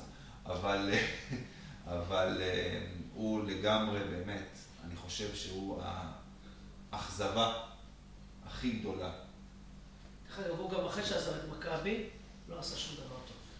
מה הוא עשה? הוא היה בירידה. אבל מה הוא אני עשה? חושב שהוא עבר לסין. עבר לקבוצה, ומשהו, איפה שהוא הלך הוא לא הצליח. זה אה, לא רק היה אצלנו, הוא כבר היה, הוא גמור, היה גמור. פשוט קיבלנו אותו גמור, בלי שאנחנו יודעים את זה. כן, לא התאושש מההחטאה של השלשה ההיא מ-2014. מ-2014, כן. כן. אה, ש- לבד. עמד לבד. כך לבד. השאירו אותו לבד מכל כן. הדברים ונראה לי- שאם תשאלו את כל האוהדים של מכבי, רובם בכלל לא ראו את הזריקה הזאת, כאילו, אנשים כבר לא, לא, חגגו. לא. תקשיב, לא, לא, לא, השחקנים לא, לא. רצים למגרש שהוא עוד זורק, זה אחד כן. הדברים הכי מדהימים, תסתכל על זה עוד פעם, תראה את זה, כי משדרים את זה אלף פעם, ואנחנו תכף נגיע למשחקים, השחקנים שם מרימים את הידיים שהוא כבר זורק לסל, כאילו זה ברור להם שהוא החטיא, אם הוא קולע את זה, הם רצים להתחבק, והם לא שמים לב בכלל, זה אחד הדברים הכי מצחיקים שראיתי. טוב, אז אה, לא, במקום לא- למסור למי שעמד מתחת לסל ומנצח אותה. זה קאון היה... אה, אבל כן, לא בטוח שהזמן, אני לא בטוח שהזמן שהזמן. שהיה הזמן מספיק בדיוק. הוא היה מכניס את. זה אחרי. היה חמש שניות, הסל אה, של היה רייס. נכנס כשהיו חמש שניות. עדיין, היו צריכים לרוץ את כל המגרש בחמש לא, שניות. הייתה מסירה, הייתה מסירה ארוכה. לחצו עליו, תאודוסיץ' לקח כדור, לא מסירה ארוכה. לחצו עליו מסירה דאבלטים בחצי, תודוסיץ' מסר מהחצי, מהחצי הוא מסר. לא טוב, בטוח שהזמן. בואו, לא משנה, בואו נעבור עכשיו אה, באמת למשחק הכי גדול. ספוילר, שלושת המשחקים באותה שנה שנבחרו בשנה. עזוב, כולם יודעים תכלס. ובאותו. אולם. כן, באותו אולם, תכלס. אה, מקום שלישי, נס מילאנו אחד. יש לנו. יש, אה, כמה, כמה נס, אה, כמה ניסים באותו אולם. נס מילאנו מספר אחד, הניצחון ה... משחק אחד נגיד בהצלבה של 2013-2014. כן, כן, הניצחון ההזוי. ש- שהניצחון, אגב, הניצחון הזה הזכיר לי את הניסים מ-2003-2004. כאילו, כל מה שצריך- כל מה ש- ה-0.007 כל מה, שצריך, כאילו, אני לא יודע אפילו איך להגדיר את זה, כאילו, אתה יודע, לא פעם, אני חושב על 2003 ו-2004 ועל הניצחון בבולוניה עם השלושה, עם ההחטאה של בורשטיין והרי במתקפה, ונס ז'לגיריס, ו- והשלושה של ב- ב- במוסקבה.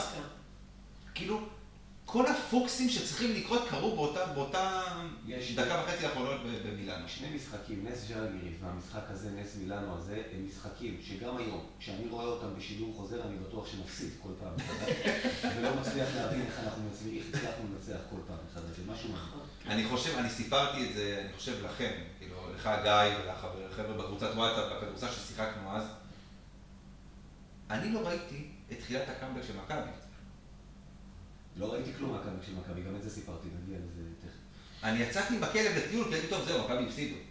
ואז אני מתחיל לקבל, באמצע טיול עם הכלב, אני מתחיל לקבל את ההודעות שלכם בקבוצת וואטסאפ, גיא. לא שלכם, כי שוב, אני לא הייתי... לא שלך, בסדר, נו, בוא, בוא נהיה קטנונים. של, רגע, מכבי מתחילה לחזור, ואז אני מתחיל, אני נכנס לאינטרנט, מתחיל לעשות רפרש, אני רואה רפרש יורד, ויורד, ויורד. וחזרתי לשניות האחרונות, רצתי, תפסתי את הכלב, אמרתי לו, לא אכפת לי, אתה צריך להשתין, לא מעניין אותי. אחר כך אני יוצא עוד פעם ורצתי הביתה, ואז הצלחתי לראות באמת את הסוף, וקיבלתי חום. באמת, זה, זה, זה היה משהו הזוי. אז אמרתי, לי הייתה הפסקת, הפסקת כבלים, מה שנקרא, תקלה בהוט, ולא היה. ונכנסתי למחשב. כרמיאל, לא, יש. יש מחשב, את יודעת, היום יש סטרימינג, יש אינטרנט, יש הכל. גם האתר של ערוץ 10 סך הכל, אז ערוץ 10 שידר את המשחקים. קל היה, לא צריך לחפש אה, כמו היום, בכל מיני, אם אתה רוצה להתחיל לחפש אה, שידורים מכל מיני כאלה דברים. רק מה, גם באינטרנט יש תקיעות לפעמים וזה, ו- וראיתי כבר את הפיגור. ואתה יושב במחשב וזה, אמרתי יאללה, מספיק, הפסידו. או, איך אמרנו, נלך, נדבר קצת עם אשתי, נעשה משהו, זמן זוגי ביחד, היי, כבר לא, המשחק הזה אבוד. ואז מתישהו כבר הלכתי אפילו חצי לישון כבר, וקמתי מהמיטה, ואני מסתכל על ההודעות של החבר'ה, ואני רואה פתאום איזה שמונת אלפים הודעות. ואני קורא, ואני קורא על קאמבק, ואני קורא הערכה, ואני לא מבין מה הלך שם. ואת הסוף של ההערכה כבר הספקתי לראות, זה פשוט היה מדהים, המשחק הזה נמשך עד איזה שתיים בלילה, אני חושב, משהו כזה כבר בקצב. עד היום עוד אה, משחקים אותו. זה, זה מסוג הדברים, שוב, אתה לא מבין איך חזרנו, ואז ראיתי אותו בשידור חוזר, ועדיין לא הבנתי איך חזרנו. כמו שאמרת, מעבר להחטאת עונשין של קית' לנגפורד בסוף, נכון. קית' לנגפורד מחטיא עונשין. מה זה, זה, אני חושב שדקה כן. לסיום עוד היה איזה תשע, שמונה הפרש. קודם כל זה התחיל בזה שרייס הלך לסל בעבירה, ויכל לנצח את המשחק והוא החטיא את הזריקה, ואז העבירה המטופשת הזאת אגב. אגב, סל בעבירה, מזכיר לכם משהו אולי קצת מז'לגיריס? הסל בעבירה של שרלס? כאלה שליטפו אותו באזור. כן, כן, זה בדיוק כל הדברים האלה. כשריקי היקמן עשה את העבירה, אני ראיתי את המשחק הזה, כשהיקמן עשה את העבירה, אמרתי, אוי ואבוי, זה הכי לוזר שיכול להיות, תפסיד, תפסיד, אבל לא להפסיד ככה, 0.07 אני חושב העבירה הייתה. והולכים לקו, שוויון, מחטיא את השנייה, זה דבר שעוד 200 שנה הוא לא יחטיא. תן ללנגפורד עכשיו לזרוק 50 פעמים את אותו גוסטס, גוסטס, גוסטס, אותו הדבר. אותו הדבר. תחשוב על זה רגע, שחקן של 80 ומשהו, 90 אחוז מהעונשין, מחטיא. כן, הידיים רועדות. בכל קשר לקהל. בז'לגיריס, בבנס ז'לגיריס, יש, אה, מבחינתי הנס היותר גדול, זה מה עבר להם במוח בכדור האחרון, תעשו עבירה, לזרוק שתי זריקות. אתה עשית עבירה במדריד? בשנה? לא, אבל זה יש הבדל. כי פה אתה שולח אותם לשוויון. אתה שולח אותם לשוויון בחוץ. שוויון בחוץ. שתיים אתה מסתכן. ונותרו שתי שניות. זאת אומרת, שבכל סיטואציה אתה מנצח אם אתה עושה עבירה. לא אותו מצב. טעות אחת, לא היה זמן לעשות. הוא מוסר את הכדור. יכול לעשות עבירה על בורשטיין? לא. עבירה שהיא בלתי ספורטיבית. שהיא בלתי ספורטיבית. אין מה לעשות. מה זה שהיא בלתי ספורטיבית? לא. מה זה עוזר? הזריקה של דרק שרפ הייתה, אני חושב, שנייה לסיום. אף אחד לא הבין שזה ייכנס. אתה לא, זה... מישהו חשוב. כמו שאמר לך, ברגע שאתה חושב שאתה, יש לך שתיים הפרש ואתה נמצא בזה, אתה לא עושה עבירה כדי בטוח שניצחת את המשחק. גם לא עשינו עבירה בהערכה האחרונה, זוסמן לא עשתה בהערכה הראשונה נגד גליל, וגם היה... אף אחד לא חשב, אף אחד לא חשב שהכדור של שלף יגיע, ששארפ יתפוס את הכדור, כי מי זה... היה שם חסימה גדולה של בורשטיין. מי זה היה שם? נראה לי זה היה בג"ציס שקפץ, אם הוא לא גוסס ציפורניים באותו יום, הוא נוגע בכדור. כן, אבל אנחנו מסכמים את העשור הזה, לא את הקודם. נכון, נכון. צודק. אבל יותר כיף להיזכר בקודם. כן, לגמרי. אגב, אם היינו סתם, בשביל הכיף, אם בוחרים את משחק העשור הקודם, מה היינו בוחרים לדעתך? את הגמר ההוא של 44 הפרש של נס ז'לגיריס? נס ז'לגיריס מבחינתי זה משחק ההיסטוריה של הכדורסל האירופי בכלל. זו שאלה מעניינת, כי אנחנו פעם העלינו לפני הפיינל פור האחרון של היורוליג, עשינו סקר על איזה פיינל פור הכי גדול, ואני ציפיתי שיבחרו את מילאנו ובחרו את יד אליהו. כן, בהרבה, לא בכלל. תשמע, תשמע, תשמע. אני אמרתי קודם, אם צריך לבחור את נס ג'לגיריס או את הגמר ההוא נגד בולוניה, אז אם לא נס ג'לגיריס, אין לך את הגמר נגד בולוניה.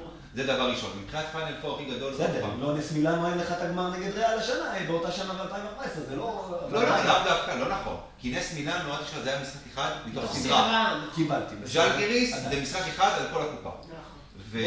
וכן, הפיינל פור ההוא היה יותר גדול, עדיין ניצחת גמר ב-44 הפרש. לקבוצה שהפסדת כבר באותה עונה גם בבית. אגב, אבל בסדר, טוב. בואו נעבור למקום השני. במקום השני דווקא הגמר.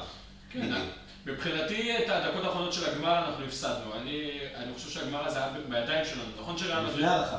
כן, עוד לפני הערכה. ריאל מדריד בסופו של דבר ישבו. רייס עשה 73-69 בסל, אני כבר התחלתי לחגוג בבית, אמיתי. ואז הבעיטה הזאת בדלי, אני פשוט חטפתי דיכאון, אמרתי איך דפקנו את זה, נפסיד את ההערכה, שכחתי שזו קבוצה שלא הפסידה בהערכות. ראיתי את זה בשידור חוזר. ויש שם בערך שש טעויות של ריקי איקמן קריטיות בדקות האחרונות. נכון. זה מזעזע. שש טעויות שלו. אבל הוא היה גדול, דרך אגב. כן. היה שם לפני כן, הוא החזיר אותם למשחק, כן. לבד. זהו, שוב, בעיניי ריאל מדריד פתחו, ברור, פתחו חזק, אבל אה, דיברתי על זה גם קודם, השלשה של בלו שינתה לחלוטין, המחצית השנייה בעיניי הייתה שלנו. ואנחנו בסופו של דבר הפסדנו, נגררנו להערכה. בעצם אני חושב שמה שקרה בהערכה, שריאל מדריד אה, חשבו זהו, הגענו להערכה, אז יאללה, ניצחנו אותם. וחבר'ה, מכבי זה מכבי, ונגמר בעשר אותה שנה, באותה שנה, בניגוד למה שאנחנו מכרנו את המשחק הראשון, היה לנו מצ'אפ טוב עם ריאל מדריד, בניגוד לצ'סקה, ששם היה קצת יותר בעיה. וריאל מדריד, כאילו אם היית שואל לפני כן מי אנחנו רוצים בגמר, כולם היו בוחרים את ריאל מדריד. כי ריאל מדריד יכולנו לה. ולא רק בניצחון מקרי, כמו שתסלח לי, היה ניצחון על צ'סקה. אני מסכים חד משמעית, אני חושב שזה העניין. אחרי מה שקרה בחצי, הגעתי לגמר, לא, מעבר לאמונה, היה לי איזו תחושת בטח שאמרה, אנחנו לוקחים את המשחק הזה, אם עברנו את כל זה, את זה ניקח. בניגוד לחצי הגמר. בוא נעבור אליו. אז לא, אז אני רוצה להגיד שאני האמנתי גם לפני חצי הגמר, אפילו מילאתי ווינר, על מכבי שתיקח את הפנפו. ההפוך מיוני שהלך עכשיו. יוני עזוב, יוני, כן. אמ,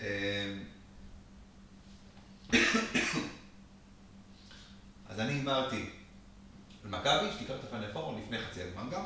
אמת, אני מאשר, זה נכון. יופי, תודה, אני שמח שאתה מאשר.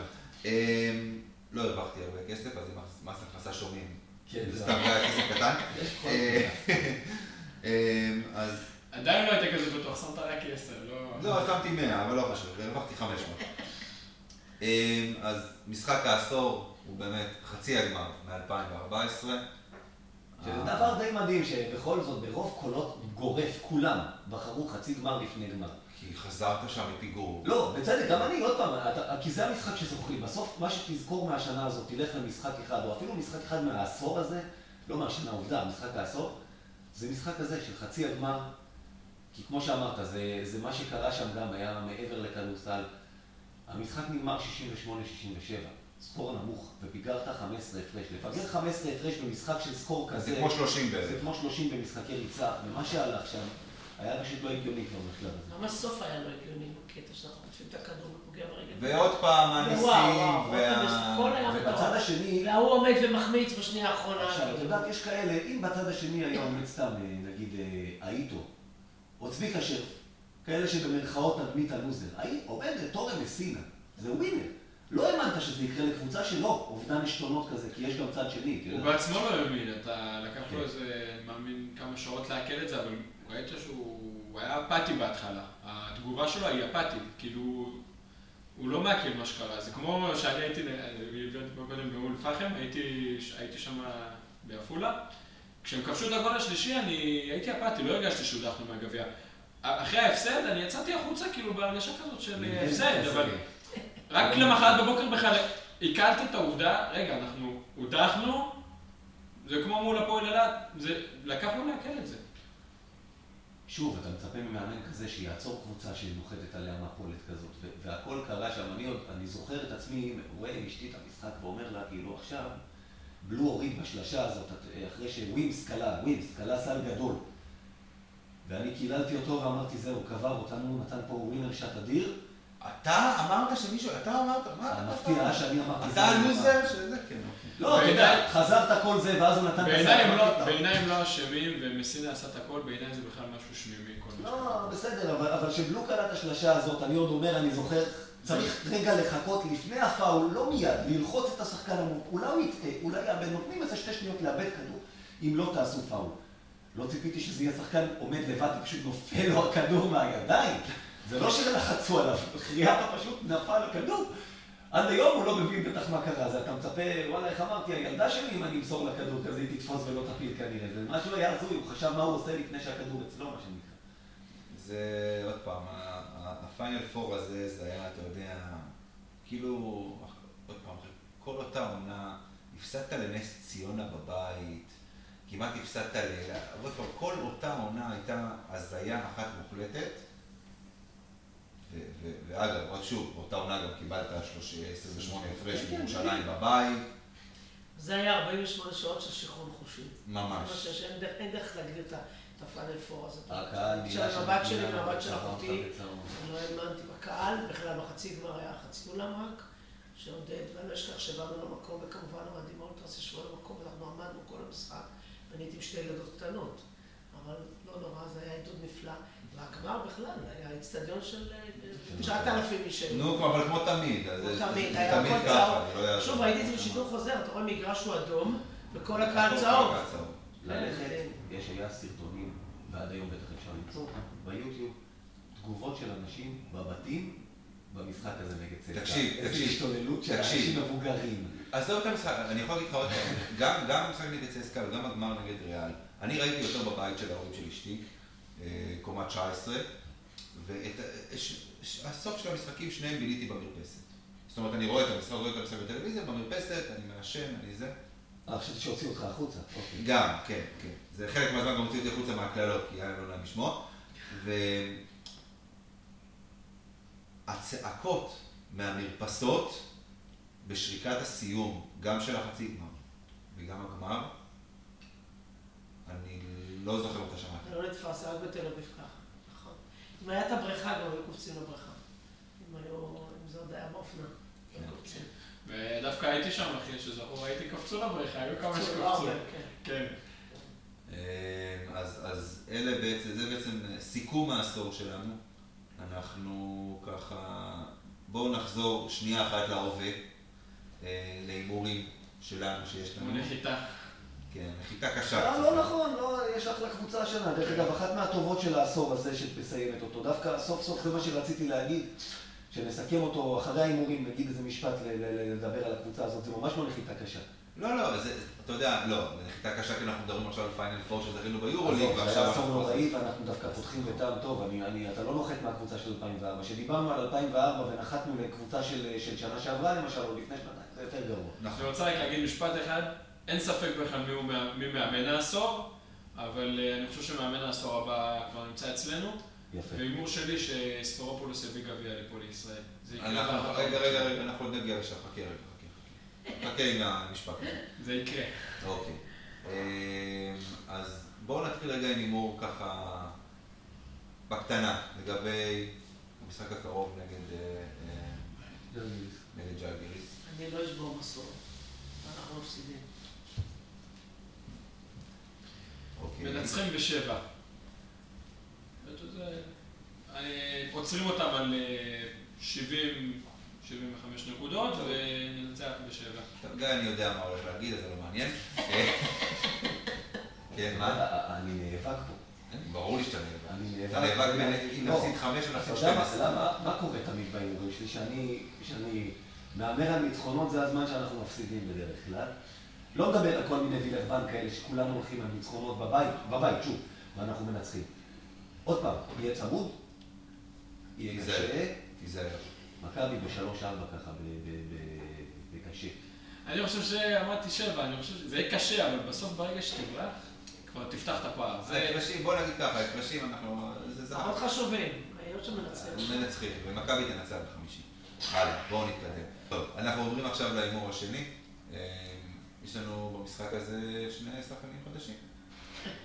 אה, נראה לי חשוב שגם נזכיר אותם באיזו מילה.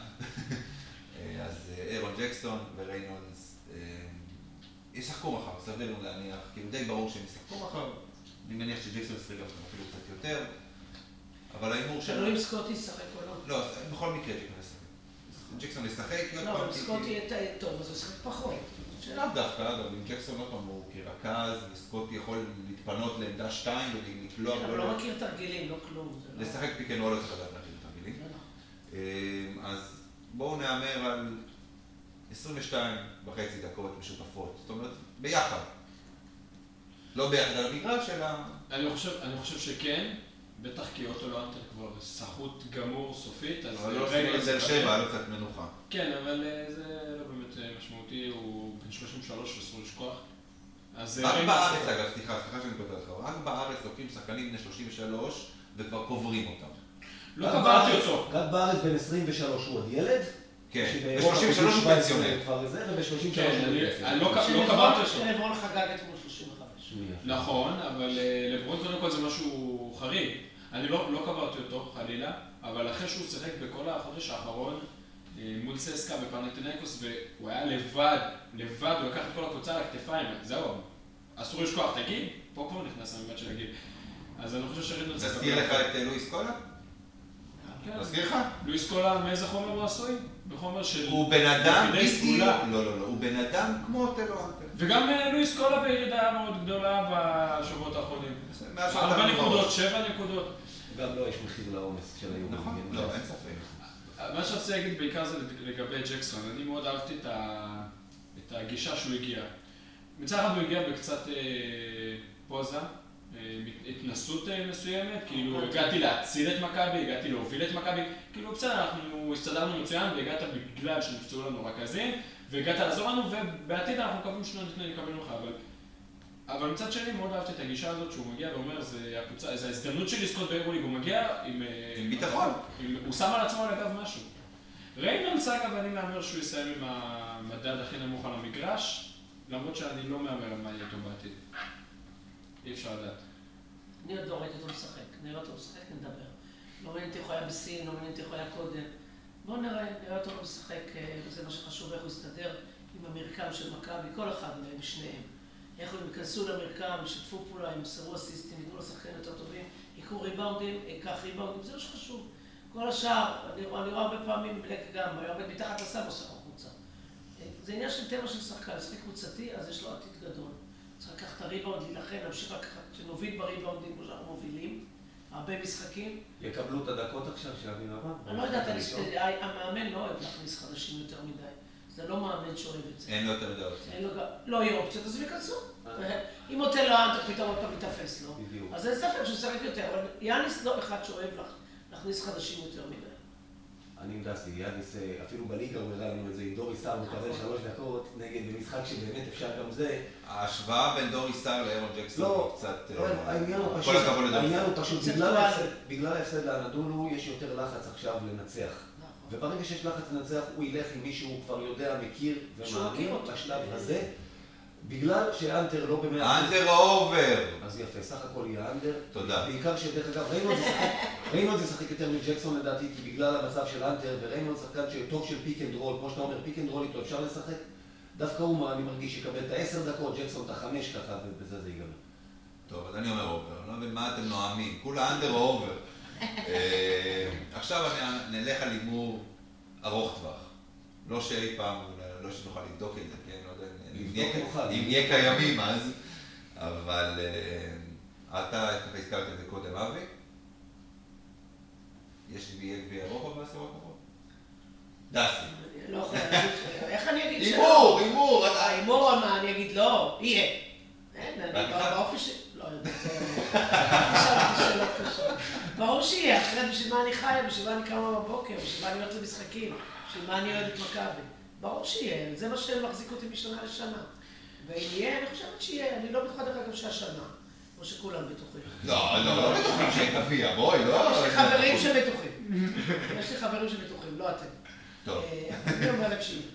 בעיניי, בעיניי אה, בחוזה הקרוב של ספרופולוס הוא יביא לפחות גביע אחד, וזה תלוי כמה הוא יישאר פה. לפחות אחד. לפחות אחד. אה? אני אגיד לך מה אני- רואה... צריך לחסוך בפיינל פורים עכשיו, נו. לא, בעיניי אה, ספרופולוס יבנה פה מורשת, אני חושב שהחוזה שהאריכו לו זה לא הסיום שלו כאן. אלא אם כן יקרה משהו חריג והקבוצה תתפרק והוא יאבד שליטה וכולי ויהיה סכסוכים אז הוא יעזוב, אבל בעיניי זה נבנה פה סוג של שושלת כזאת, סטייל פני גרשון, סטייל דיוויד פלאט, זה מאמן שהתחבר לקהל, לקבוצה, להנהלה, הוא התחבר לכל דבר שצריך, כמו פשוט אה, אה, מגנט, זה חיבור מושלם, ובעיניי ככל שהוא יישאר פה, אז ככה הסיכויים ליותר גביעים אה, קיימים. בוא גביע אחד יקרה. בוא. נתחיל בראשון.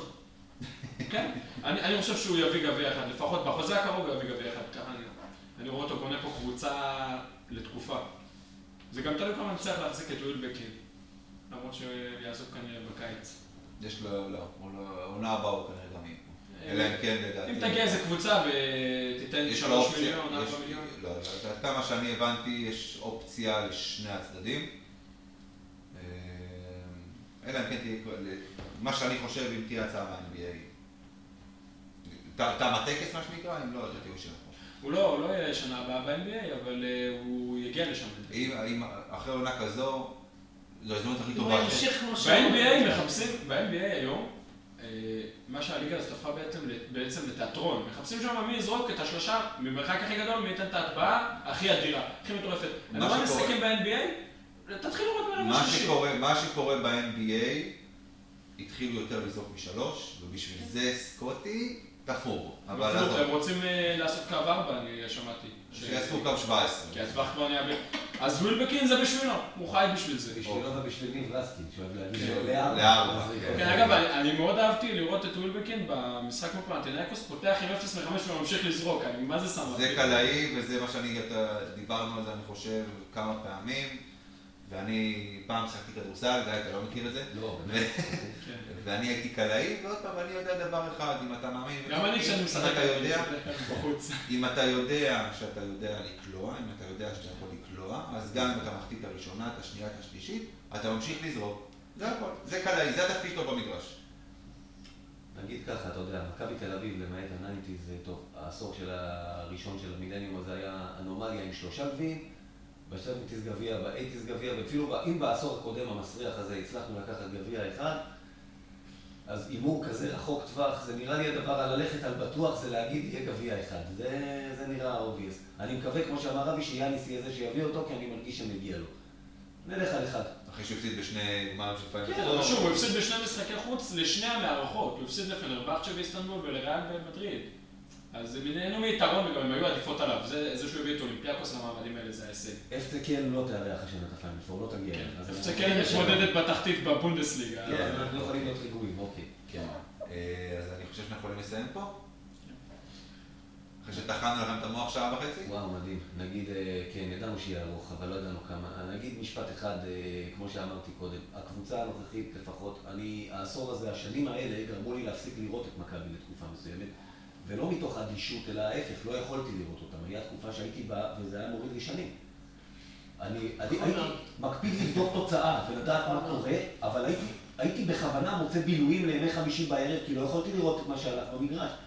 הקבוצה הזאת גורמת לזה שאני לא מסוגל לפספס. אני חוזר לימי חמישי של פעם, מה שנקרא, גם אם הם בימי שישי לפעמים. רביעי ושישי יש גם. או שלישי, או זה. שלישי. זה היתרון הכי גדול. כמו הליגה שלנו, אתה לא יודע הם משחקים. היתרון הכי גדול של הקבוצה הזאת שהיא חזרה לעניין את הציבור. אני יוצא מההיכל בסיום המשחק, אנשים עוצרים אותי בכביש כזה, פותחים את החלון, כמה נגמר מכבי? מה מכבי? ופעם זה לא היה קורה. לא, זה אבל לא היה השנים קורה. הלא טובות לימדו אותי את המשמעות של עונש, כי הייתי, אני רואה כל המשחקים, וזה היה העונש שלי. כן. כל פעם שעשיתי משהו לא טוב, הייתי צריכה משחק שלי. אז הקבוצה הזאת קודם כל גורמת לי לחזור ליהנות, דבר ראשון, ממכבי. שנה שעברה גם, בגלל ברגע שאמיר אמר בוא נתחיל את הפודקאסט, אז התחלתי לראות, והיו פעמים שפחות נהניתי. אבל זה התחיל כבר להיראות יותר טוב עם יאניס, אבל, אבל השנה אתה נהנה ממכבי רוב הזמן. גם אה, שלא מנצחים, כמו שאמרנו, קבוצה שמשאירה הכל. והלוואי וזה אומר שאנחנו בפתח של עשור שיהיה הרבה יותר טוב מרוב העשור הנוכחי, שיותר יזכיר את זה שלפניו, נגיד כך. אמן ואמן. אז אה, אנחנו מסיימים פה, תודה למי ששרד עד עכשיו, מה שנקרא. בדיוק, כן. אפשר לעשות את זה בחלקים, לעשות הפסקה באמצע, איזשהו קפה, משהו, פיפי, שירותים. אה, אז אנחנו מתחילים מסור חדש באמצע העונה, שהתחילה טוב, אנחנו מקווים שככה גם אה, תימשך. שבוע הבא עוד פעם סיכום, מסכמים את הסיבוב הראשון ביולי. באמת? כן. חייבים? בוא נעשה עכשיו, אנחנו. נמשיך. בוא נמשיך כבר, בוא, בוא, בוא. בוא נסיים פה וישר נשב נראה את המשחק ועוד אותו מתחיל. בדיוק. אה, אז טוב, אז ניפגש כבר בסיכום בשבוע הבא. אז אה, תודה רבה לאורחים שלנו. תודה אבי רבה. רויזמן, היה ממש תודה. כיף.